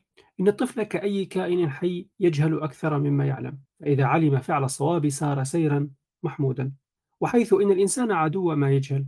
لذلك تكون مرحلة تعليمه الصحيح من السقيم أولى الخطوات في تقويمه. وإن النبي صلى الله عليه وسلم كان يصحح البنى الفكرية للطفل إذا أخطأ وكان يتبع في ذلك شتى الأساليب المحببة التي تمتاز بالرفق واللين وذلك لتصحيح فكر الطفل وإليك بيان ذلك. روى أبو داود عن عبد الرحمن بن أبي عقبة رحمه الله عن أبيه وكان مولى من أهل فارس قال شهدت مع النبي صلى الله عليه وسلم أحدا فضربت رجلا من المشركين فقلت خذها وأنا الغلام الفارسي التفت إلي رسول الله صلى الله عليه وسلم فقال هلا قلت وأنا الغلام الأنصاري ابن أختي القوم منهم فما أروع هذا التعليم في وسط المعركة ثم ماذا؟ التعليم بوضع قاعدة له يسير عليها في حياته ابن أختي القوم منهم وكيف كان العلاج؟ إنه اللطف والرفق ولين الجناح قال هلا قلت يا لروعة التواضع في التعليم الرسول صلى الله عليه وسلم يقول لغلام بهذه الصيغة هلا فصلى الله عليك يا سيدي ومرشدي ومعلمي وقدوتي وفي الصحيحين عن أبي هريرة رضي الله عنه قال أخذ الحسن بن علي رضي الله عنهما تمرة من تمر الصدقة فجعلها في فيه فقال رسول الله صلى الله عليه وسلم كخ كخ ارمي بها أما علمت أن لا نأكل الصدقة؟ قال النووي رحمه الله وقوله كخ كخ يقال بإسكان الخاء ويقال بكسرها مع التنوين كخ كخ وهي كلمة زجر الصبي عن المستقذرات وكان الحسن رضي الله عنه صبيا. ففي هذا الحديث زيادة لطيفة وهي طريقة الزجر بهذه الكلمة كخ كخ. ثم ما لبث رسول الله صلى الله عليه وسلم أن علل لهذا الطفل سبب عدم الأكل وعدم حل حله له لتكون له قاعدة فكرية عامة في حياته كلها. أما علمت أن لا تحل لنا الصدقة؟ وذلك بصيغة رائعة أما علمت؟ وذلك ليكون وقعها على نفسه أقوى تأثيرا وهذا حديث ثالث يخاطب فيه الغلام ويخاطب فيها الغلام بلغة رقيقة عذبة وبلفظ رويدك أخرج الشيخان عن أنس رضي الله عنه قال كان رسول الله صلى الله عليه وسلم في بعض أسفاره وغلام أسود يقال له أنجشة يحدو في الحاشية يقول يحدو أي ينشد الأشعار ليسير الجمل بسرعة ومتعة فلا يشعر بالتعب. أعود للمتن. فقال له رسول الله صلى الله عليه وسلم ويحك يا أنجشة رويدك سوقك بالقوارير. قال أبو قلابة يعني النساء. وهذا تصحيح رابع في موقف عرفة. قول النبي صلى الله عليه وسلم لابن عباس مه يا غلام فإن هذا يوم من حفظ فيه بصره غفر له. يعني يوم عرفة. رواه الطيالسي وهذا تصحيح مع منادات الاسم. روى الترمذي عن أم سلمة رضي الله عنها قالت رأى رسول الله صلى الله عليه وسلم غلاما لنا يقال له أفلح إذا سجد نفخ فقال يا أفلح ترب وجهك. اقتداء الصحابة في تصحيح الأفكار للطفل. عن أبي الحكم الغفاري قال حدث حدثتني جدتي عن عمي عن عم أبي رافع بن عمرو قال كنت وأنا غلام أرمي بنخل الأنصار. فقيل للنبي صلى الله عليه وسلم إنها هنا غلام يرمي نخلنا أو يرمي النخل. فأتي بي النبي صلى الله عليه وسلم فقال يا غلام لم ترمي النخل؟ فقلت آكل. فقال لا ترمي النخل وكل مما سقط في أسفلها. قال ثم مسح رأسي. وقال اللهم أشبع بطنه. رواه ابن أبي الدنيا في كتاب العيال. قال محققه. قال الترمذي حديث حسن غريب صحيح وقال أخرجه أبو داود وابن ماجه وأحمد والبيهقي في السنن الكبرى. فنرى مع التصحيح الفكري للطفل طريقة تعرفه للوصول إلى غرضه وهو يريد أن يأكل من التمر. فدله الرسول صلى الله عليه وسلم على طريقة شرعية وهي أن يأكل مما سقط من الشجر من الشجرة على الأرض بدلا من ضرب الأشجار وإسقاط التمر من على الشجرة بغير إذن صاحبها. ثم أتبع النبي صلى الله عليه وسلم ذلك التعليم بالمسح على على رأسه والدعاء له فهذا أسلوب فريد خرج من مشكاة النبوة. ونرى في هذا الإسناد لطائف وهي تحديث الجدة عن العم للسبط فهذا دليل ما أكدناه في السابق من تفاعل الأسرة المسلمة كلها ومشاركتها في تربية الأحفاد والأسباط. وابن الأخ وابن الأخت وهذا طريق أو هذا طريق حفظ العلم. فالراوي أحد الأحفاد للجدة فروى الحديث عنها فكان الخير كل الخير للمشتركين في التحديث عن رسول الله صلى الله عليه وسلم. وهذا أنس يصحح لابنته فكرتها. أخرج البخاري والنسائي والنسائي عن ثابت البناني رحمه الله قال كنت عند أنس وعنده بنت له. فقال أنس جاءت امرأة إلى النبي صلى الله عليه وسلم تعرض عليه نفسها. فقالت يا رسول الله ألك بحاجة؟ فقالت بنت أنس ما أقل حياءها. وسوأتاه وسوأتاه فقال أنس هي خير منك. رغبت في النبي صلى الله عليه وسلم فعرضت نفسها عليه. وهذا تطبيق عملي من أمير المؤمنين عمر بن الخطاب للحديث السابق. فعن سنان بن سلمة أنه حدث بالبحرين فقال كنت في في غلمة بالمدينة نلتقط البلح. فأبصرنا عمر وسع الغلمان أي هربوا وقمت أي وقفت ولم أهرب. فقلت يا أمير المؤمنين إنما هو ما ألقت الريح. قال أرني أنظر. فلما أريته قال انطلق. قال قلت يا أمير المؤمنين ولا هؤلاء الغلمان إنك لو تواريت انتزعوا ما معي. قال فمشي معي حتى بلغت مأمني. رواه ابن أبي الدنيا في كتاب العيال فها هنا نرى اهتمام خليفة المسلمين بالأطفال وتحريه معهم. وحرصه على معرفة الحقيقة واستجوابه للطفل بلين وحكمة. ونرى فقه الغلام مما دل على أن الآباء بلغوا أبنائهم حكم رسول, رسول الله صلى الله عليه وسلم في جواز التقاط البلح الساقط من الشجر على الأرض. ثم جرأة الطفل في طلب المعونة من أمير المؤمنين للوصول إلى بيته بأمان حتى يتخلص من إيذاء رفقائه وأصحابه. وهذا ابن عمر يصحح للأطفال خطأهم فيبلغهم حديث رسول الله صلى الله عليه وسلم. ففي الصحيحين عن ابن عمر رضي الله عنهما أنه مر بفتيان من قريش قد نصبوا طيرا وهم يرمونه وقد جعلوا لصاحب الطير كل خاطئة من نبلهم. فلما رأوا ابن عمر تفرقوا فقال ابن عمر من فعل هذا؟ لعن الله من فعل هذا وإن رسول الله صلى الله عليه وسلم لعن من اتخذ شيئا فيه روح غرضا. وهذا صحابي آخر ينتبه لصلاة طفله ويصححها له. روى الترمذي عن عبد الله بن مغفل رحمه الله قال سمعني أبي وأنا أقرأ بسم الله الرحمن الرحيم. فقال أي بني محدث وإياك والحدث. قال ولم أرى أحدا من أصحاب رسول الله صلى الله عليه وسلم كان أبغض إليه الحدث في الإسلام يعني منه. قال وقد صليت مع النبي صلى الله عليه وسلم ومع أبي بكر ومع عمر ومع عثمان فلم أسمع أحدا منهم يقولها فلا تقلها إذا أنت صليت. فقل الحمد لله رب العالمين. وقد تقدم في أدب الطعام كيف صحح النبي صلى الله عليه وسلم طريقة طعام الغلام بالتوجيه الفكري. وهكذا وجدنا أن التصحيح الفكري وتعليم الطفل والحوار معه والشرح له وتعليل الأمور له ركن قوي في تقليل الخطأ وتصحيح مسار الطفل. ثانيا التصحيح العملي في الواقع الميداني لخطأ الطفل. كثيرا ما يطلب من الطفل القيام بأعمال لم يسبق له عملها أو شاهد أو شاهد من عملها. لذلك يبقى في جهل. فإذا طلب منه العمل وقع في أخطاء تحتاج إلى تصحيح. فإذا عوقب على خطئه كان هذا ظلما وحيفا.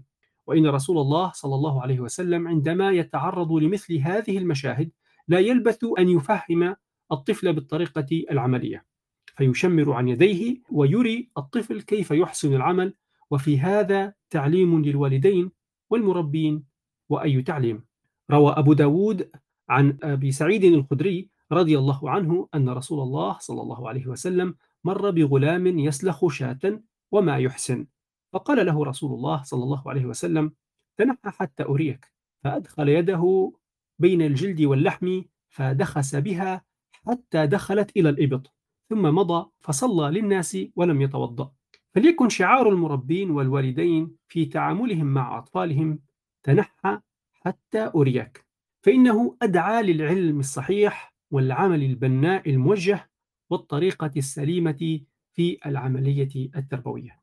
وصار الصحابة رضوان الله عليهم بعد ذلك يعلمون الكبار والصغار والرجال والنساء بالتدريب العملي الواقعي والمشاهدة الحسية. روى الإمام أحمد وابن أبي شيبة عن أبي مالك الأشعري رضي الله عنه أنه قال يا معشر الأشعريين اجتمعوا وأجمعوا نساءكم وأبناءكم حتى أريكم صلاة رسول الله صلى الله عليه وسلم. فاجتمعوا وجمعوا أبناءهم ونساءهم ثم توضأ وأراهم كيف يتوضأ. ثم تقدم فصف الرجال ثم أتى الصف وصف الولدان خلفهم وصف النساء خلف الصبيان. وهكذا تنطبع الصورة الصحيحة في ذهن الطفل بتعريفه عمليا الأحكام وخاصة مما هو أصله عمل حسي مثل الصلاة والحج والعمرة والصوم وغيرها. وإلى هنا انتهى وردي وأعود لهاجر بارك الله فيك يا عبد الرحمن. جزاك الله خيرا على هذه القراءة الجميلة. آه وبدأنا في الأساسات اللي حكي عليها الأولى لعملية التصحيح أو التأديب اللي هي كيف إن نصحح الخطأ آه يعني خطأ الطفل فكريا بعدين عمليا. وأول حاجة بدأنا فيها هي التصحيح الفكري لل- للخطأ. وشفنا سبحان الله الأمثلة الجميلة اللي وضعها الكاتب من سيرة الرسول عليه الصلاة والسلام لهذه التصحيحات. آه وكيف سبحان الله اللين في الخطاب وال والهدوء في التعامل وبيان الخطأ للطفل حتى يعني يتجنبه مرة ثانية والطريقة الصحيحة والمثلى للعمل. ممكن أنا من من تجربتي ممكن أكتر حاجة ديما ديما يخطر في بالي المثال هو في عملية التصحيح و- ومتذكرتها يعني من طفولتي هو فكرة عملية ال- بأما إيد ياكل الطفل. آه، أنا عسراء فكنت آه، كانت عندي مشكلة في الطفل العملية هذه يعني. فكانت آه، أمي ديما لما نجلس تقعدني وحدها تشوفني شو بندير باليمين ولا باليسار. وأنا كنت فعلي حرفيا يعني شخص قاعد عيل صغير مش مدرك أما إيد. متلخبط بيناتهم يعني. فهي كانت ديما هذه معي في الموضوع هذا. تشوفني الكشيك بما يد ناخذه. فمجرد ما ناخذه بيد اليسار لا إقلبي. فديما كان يتكرر مرة اثنين ثلاثة. فمرة أتذكر روحي يوم كنت صغيرة قلت لها علميه لي إيدي ما نزبطش شعري وفعلا هذا اللي صار. يعني آه، كانت إيدي متعلمة وخلاص. أنا من هذاك الوقت بدأت نعرف اليمين واليسار وبدأت آه، بدأت ناكل. وكانت ديما يعني تقول لي ليش عملية السبب. فكنت مقتنعة بليش إن الإنسان ياكل لازم ياكل بيد يمين وما ياكلش بيد يسار. يعني كنت مدركة شوية في يعني في سن إدراك. فلما يحيى يقرأ عبد الرحمن ديما هذا يكتب مثال في في دماغي يعني لأني عشته وجربته. ففعلا اللين وتوضيح الأمر للطفل يخليه يستوعب ال- الأمر ويساعد حتى في في الحلول اللي ممكن ممكن تساعده في الأمر هو. ف... إيه إيه فتفضل عبد الرحمن. آه، السلام عليكم. آه، عندي تعليق بخصوص التعاون مع الطفل. ممكن أشياء شه- شاهدتها جربتها يعني لاحظناها. واحدة من الأشياء اللي نشوفها من المشاكل في ليبيا من اللي لاحظناه موضوع الهزوة على الطفل. يعني هو لما يغلط نبدو نحطوه مسار سخرية يعني يضحكوا عليه شو هو؟ كيف دار ها حك عليه وينعزروا عليه. قصدي أنت تو شنو لا الخطأ تصلح لا المشكلة الفك... لا الخطأ الفكري يعني من ناحية فكرية ورثة الصح شنو هو. فقط هزيت عليه بدرش إنه بيقعد شنو يخاف إنه ما عادش بيدير شيء ثاني أو انه لدرجه انه يتبلد خلاص عادي خلاص تضحكوا تضحكوا ما عادش يفرق. فموضوع السخرية موضوع خطير جدا ماهوش أمر تربوي ابدا. آه، وبعدين هو راهو أي حاجة نديروها مع الطفل راهو بيكررها بعدين مع حد ثاني الأسلوب هو بيتشربه بيكررها بعدين. إحنا نقول ليش في عنف منتشر؟ ليش نقولوا مثلا الناس ما عندهاش أسلوب؟ ليش هو جرب تشرب الأسلوب اللي يتعامل به هو في طبقة مع الآخرين ويقول لك هذه الحياة كي ماشي فهذه نقطة بس آه، حبيت نقولها. آه، النقطة الثانية في موضوع تصحيح ال- الفكرة للطفل هي محتاجة إن ال- الوالدين يدوا مع الطفل إنه هو كان إنسان بالغ مثلا. يجوا معاه بكلام لغة واضحة يجوا معاه بلغة واضحة يعني ولدي هذه كذا حتى هو قاعد صغير حتى قبل ما يبدأ يميز يجوا معاه بلغة واضحة وبلغة هادية.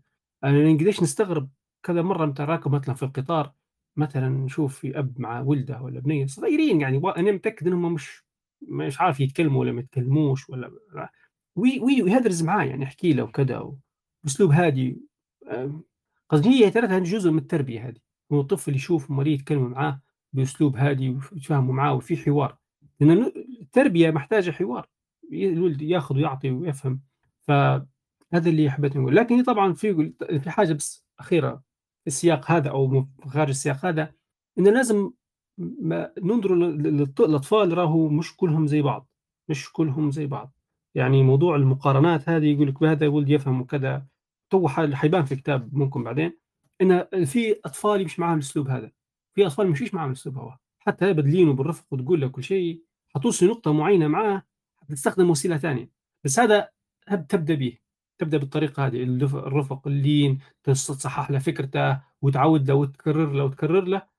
لكن في مستوى معين بيتغير. بعض الآباء ما تتخربط عليهم. يقول لك هو أنا شني خير هو كي ولد مشيش معاه. آه نجرب نجرب هذا كله ما يمشيش. لأن في آه حاجة أخرى ما اندرجش معاه. بس هذا اللي حبيت نقوله. أسف على الإطالة. بارك الله فيكم. بارك الله فيك عبد الرحمن. آه فعلا نقطة اختلاف الشخصيات وإنه الأب والأم عليهم إن هم يدركوا يعني شخصية الطفل. شنو هو نوع التأديب اللي تمشي معاه؟ مهمة جدا. حتسهل عليهم العملية. وهي يعني بدايتها بالتجربة. أيضا نقطة عملية الحوار مع الطفل والتبيين له كيف إنه سبحان الله فعلا هو يتشرب طريقة المعاملة. كيف أنت تعامله كيف إنك أنت تستوعبه وكيف إنك أنت مثلا تحاور معاه. نلاحظ فيها في الأطفال اللي نعرفهم الطريقة اللي بالذات الكبار اللي يبدأ هو مثلا أكبر واحد في خوته نفس الطريقة اللي هو عومل بها من أهله يعامل فيها بخوته نفسها كوبي بست فسبحان الله كيف إن يعني أنت اللي حطيته في طفلك هو حي حيتصرف فيه مع أخوته ومع أي شيء. فهنا مرات بعدين أنت عامل هيك بعدين هو عامل أخوته هيك فأنت تشوف مثلا صارت مشكلة أو صارت آه، عركة أو صار خلاف بين الأخوت فأنت تجي عليه هو تكشخ عليه وكيف أنت تقول لأخوك ما هو المشكلة والخل جاي من فوق هو. هذه هي كل القصة. ففعلا يعني الإنسان التصرف اللي هو بيديره حيلقاه. فبارك الله فيك عبد الرحمن. لو أي حد عنده مداخلة أو شيء حابين يضيفه فمساحة مفتوحة لكم أيضا نقطة عملية الوضوح في الكلام وكيف إنك أنت تعامل الطفل بأنه هو يفهم يفهم فعليا يعني. حديث الرسول عليه الصلاة والسلام ولما كان سيدنا عبد الله بن عباس جالس على يمينه والرسول عليه الصلاة والسلام شرب مية. كيف استأذنه في في العملية هذه؟ وكيف بين له الأمر؟ آه هذا خلق نبوي واضح جدا في عملية إنك أنت كيف تعامل الطفل بوعي وبلغة واضحة وتفهمه. آه سبحان الله. تمام؟ آه مش عارفة لو عندكم مداخلات أو هذه الجزئية. آه أو الجزئية الثانية اللي هي تكلمنا فيها على كيف آه تصحيح العملي في الواقع الميداني لخطأ الطفل. أنا أعطي الكلمة لسارة. تفضلي سارة. السلام عليكم. وعليكم السلام ورحمة الله وبركاته. آه أنا مشارك لكن مرات بس علي ولد أخت صغير بس بسبب إزعاج شوي. لا لا عادي لا بأس. حوش لك فهمتي أيوة ممكن نقول آه، علاقة الصح التنمر لما حكى عليها السيد عبد الرحمن. صح فعلا التنمر نحن ما نسموش أغلب المجتمع الليبي يعني مثلا العي... العيل الصغير لما مش يقولوا له مثلا ذكي لا يعطوه مصطلح ثاني لا مش هذا فطن مثلا شخص فطن يعطوه مصطلح يعني كيف نقول مش الإيجابي السلبي. لما مثلا نحن مثلا باسي كان يعني لأنه عادة كشخصية عسكري وكذا ففينا الحس الأمني وفينا مثلا النباهة والفطانة وكذا. بس أنا أختي كانت مثلا صغيرة في العيلة هك العيلة يعني الكبيرة الدائرة الثانية كانت مثلا تقول له آه صح طفيت المضخة زي هرب مش عارفة فكانت هي صغيرة تقول الكلام هذا ممكن سبع سنين أو هيك. فكانت يعني آه يبقى مثلا مصطلح مثلا لا زي عزوز هذه كذا. فسبحان الله يعني نحن المجتمع ما نحن المجتمع ما يسميش بالمسميات كيف ما هي كيف ما هي المفروض تكون يعني إيجابية. هذا ذكي هذا إنسان عنده مثلا الحس الأمني عنده كذا مثلا نبيه فاطمة الحاسة فاطمة كذا. فإحنا نسمو شيء بالسلبي فهمتي؟ ف... وحتى الحوار سبحان الله يعني يخلي يوسع إدراك الطفل. نحن نتفكر نحن صغار ديما كان الباسي ديما يهدرج لنا حكينا في حكايات وحكينا كان الحكايات مرات أكبر من عمرنا مرات في العمر هذا نحن نستوعبه في الحكاية اللي حكاها قبل كم سنة.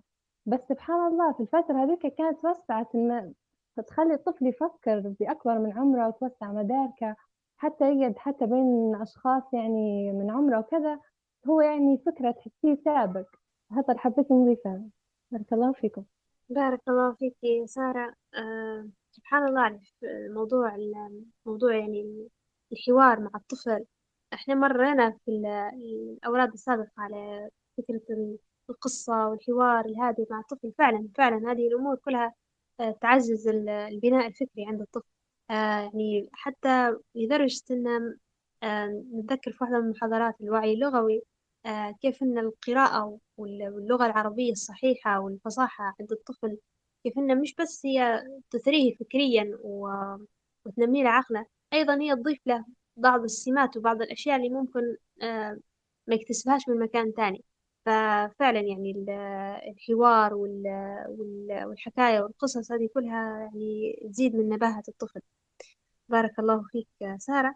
آه، لو في أي مداخلة فممكن نعطي المجال. تفضلي بس. جزاكم الله خيرا. آه، أنا تعقيب على موضوع الفصاحة مع الأطفال. آه، وتجربة بالفعل عشتها وتعلمت منها الكثير. أنا في البداية لما كيف يعني ابتدأنا في مشوار التعليم المنزلي التقيت مع أخت من تونس وهي جزاها الله خير فتحت حوشها. وابتدينا نلتقي يعني إحنا يعني ثلاث عائلات باش ندرسوا الأولاد مع بعض ف... ففي البداية من البداية أخذنا قرار إن إحنا نبغوا نعزوا الفصحى عند الأطفال وكانت عندي خاصة أنا كانت عندي صعوبة جدا في إني نمارس الفصحى آه، في حياتنا اليومية يعني في التعبير آه، في اللعب يعني في أغلب الأوقات فأول يوم تفكر فيها مشيت لها يعني اللهم بارك اللهم بارك. كانت حتى بس آه، متى بتطبخ الغداء ابنها كان عمره تقريبا سنتين سنتين ونص آه، معاها في المطبخ. كانت يعني تاخذ الإناء تقول ماما ستضع الإناء الآن فوق الغاز وسوف نطبخ الغداء. ويعني سبحان الله كانت تعطيه جملات آه، كاملة وتعطيه مصطلحات تحاول دائما مع إنه هو ما فيش تفاعل يعني يعني كل التفاعل ممكن يشبح لها شوية وبعدين يلتهى شوية لكن أنا بالفعل هذه هذه النقطه لما مارستها مع أطفالي يعني سبحان الله فارق كبير كبير كبير كبير فيما كان قبل.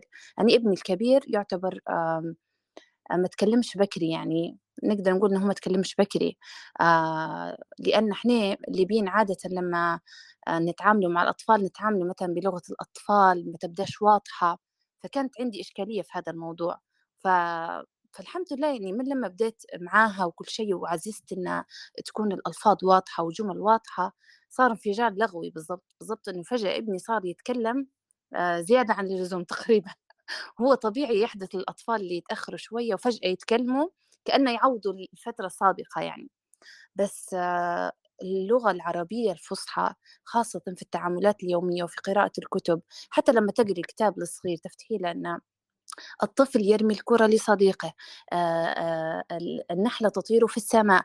تحاولي إنك تعطيه دائما جمل وتشرحي له حتى لو هو مطلبش هو بس مجرد إنه مر- مركز معك يشوف مثلا في الرسمة اللي في الكتاب آه، تبدي انت تثريه لغويا بجمل واضحة آه، تعطيه مصطلحات جديدة تحاولي دائما آه، تدخلي مصطلحات جديدة آه سبحان الله يعني يعني يعزز هلبة الإدراك الإدراك مش إدراك اللغوي بس لكن الإدراك حتى الاجتماعي نحس هلبة يخلي الطفل نبه وفطن وجزاكم الله خيرا. بارك الله فيك يا بسمة. آه، جزاك الله خيرا لأنك شاركتينا بالموضوع يعني التجربة هذه. فعلا سبحان الله فكرة فكرة إنك أنت تقولي للطفل بالجمل الواضحة صريحة مش بكيف مثلا هو ينطقها مثلا لما هو يبدأ يتكلم يقولك لا الطفل مثلا مش الكلمة هو كيف انطقها غلط أنت تقوليه له مرة ثانية لا قولها صح. ديما قولها صح مش هو يتعود على على على النطق الصحيح للكلمة ويقولها صح بعدين لما يكبر. أيضا ممكن حاجة على الهامش يعني موضوع اللغة يعني والإثراء اللغوي للطفل كيف إنه آه، ينمي عند ال- الأطفال بعض بعض الخصال زي ما حكيت. آه، كان في قصة آه، يعني في الأندلس أيام يعني كان يعني في فتوح الأندلس. ففي شخص يبيع في أيامات ما كان ال- الرقيق والعبيد والإمام ما زال موجودين. فمر مر رجل فسمعهم سمع الرجل اللي يعلم في ها الناس هذم يعلم فيهم شعر آه، عنتر بن شداد. ف... فلامه يعني لأنه هو كان ذاك الوقت الأمة أو العبد يحبوا أنهم يكونوا متعلمين نوعا ما. فلامه قال له كيف أنت تقريهم هذا؟ قال له شو المشكلة يعني. قال له أنت لما تعل- تعلمهم يعني الشعر هدايا شعر عنترة وشعر الجاهلية وشعر والأشعار اللي بعدها اللي فيها نوع من. من القوة والعزة والكرامة. قال له هذول هم يتشربوا. يتشربوا الفكرة هذه زي ما نقولوا. وحيكونوا زي ما نقولوا آه، مش طاغين ولكن آه، أقوياء. قال له لا علمهم آه، الشعر ال- ال- ال- المخانيث أو الشعر, المشي حالك هو اللي كان منتشر في ذلك الوقت باش يكونوا لينين وما يكونوش آه، ما يكونوش يعني ويذعنوا بسهولة. فأهمية ال- الفكر وال- واللغة وإن الطفل يتربى على لغة سليمة. إحنا ممكن أكثر حاجة واضحة الطفل ممكن يتعلمها في صغره ويبدأ فيها في سن صغير هو القرآن الكريم. قديش مي فيه من معاني. صحح له لغته. وحتى لو هو ما كانش مدرك لها من هو صغره يكبر ويدركها. وأيضا السيرة النبوية. وكانوا الصحابة يعني يعلموا في في أطفالهم المغازي كثيرة من القرآن يعني المغازي زي القرآن بالضبط. كلها كلها باش يكتسب الطفل المعاني اللي فيها اللي يحتاجها. فهذا يعني تعريج عن موضوع اللغة والطفل والفكر وكل هذه الأمور. إحنا طلعنا شوية يعني موضوع تأديب الأطفال. آه، مش عارفة لو عندكم أي مداخلة. فالمساحة مفتوحة لكم. تفضل عبد الرحمن. آه، السلام عليكم مرة ثانية. تعليق هو بيتعلق بموضوع تأديب الأطفال والتعامل معهم.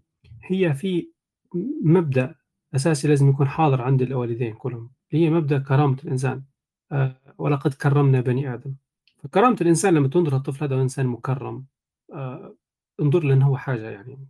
أنت تحت يعني أنت هذا إنسان مكرم رد بالك. ما تتعاملش معاه بأسلوب مهانة أو تقليل القدر ولا لا هو ما يفهمش. وزي ما قلت يعني سارة في مصطلحات نقول فيها للصغار هو بس دماغه بس عارف شنو وهكذا يعني يطلق عليها في مسميات وبعدين يقول لك حي خيرها بعدين. وعلى سيرة ولقد كرمنا بني آدم بني سيدنا آدم عليه السلام. آه سبحان الله أول فعل قام الله به بعد خلق سيدنا آدم ليشين وعلم آدم الأسماء كلها. يعني تخيل معي المشهد هذا.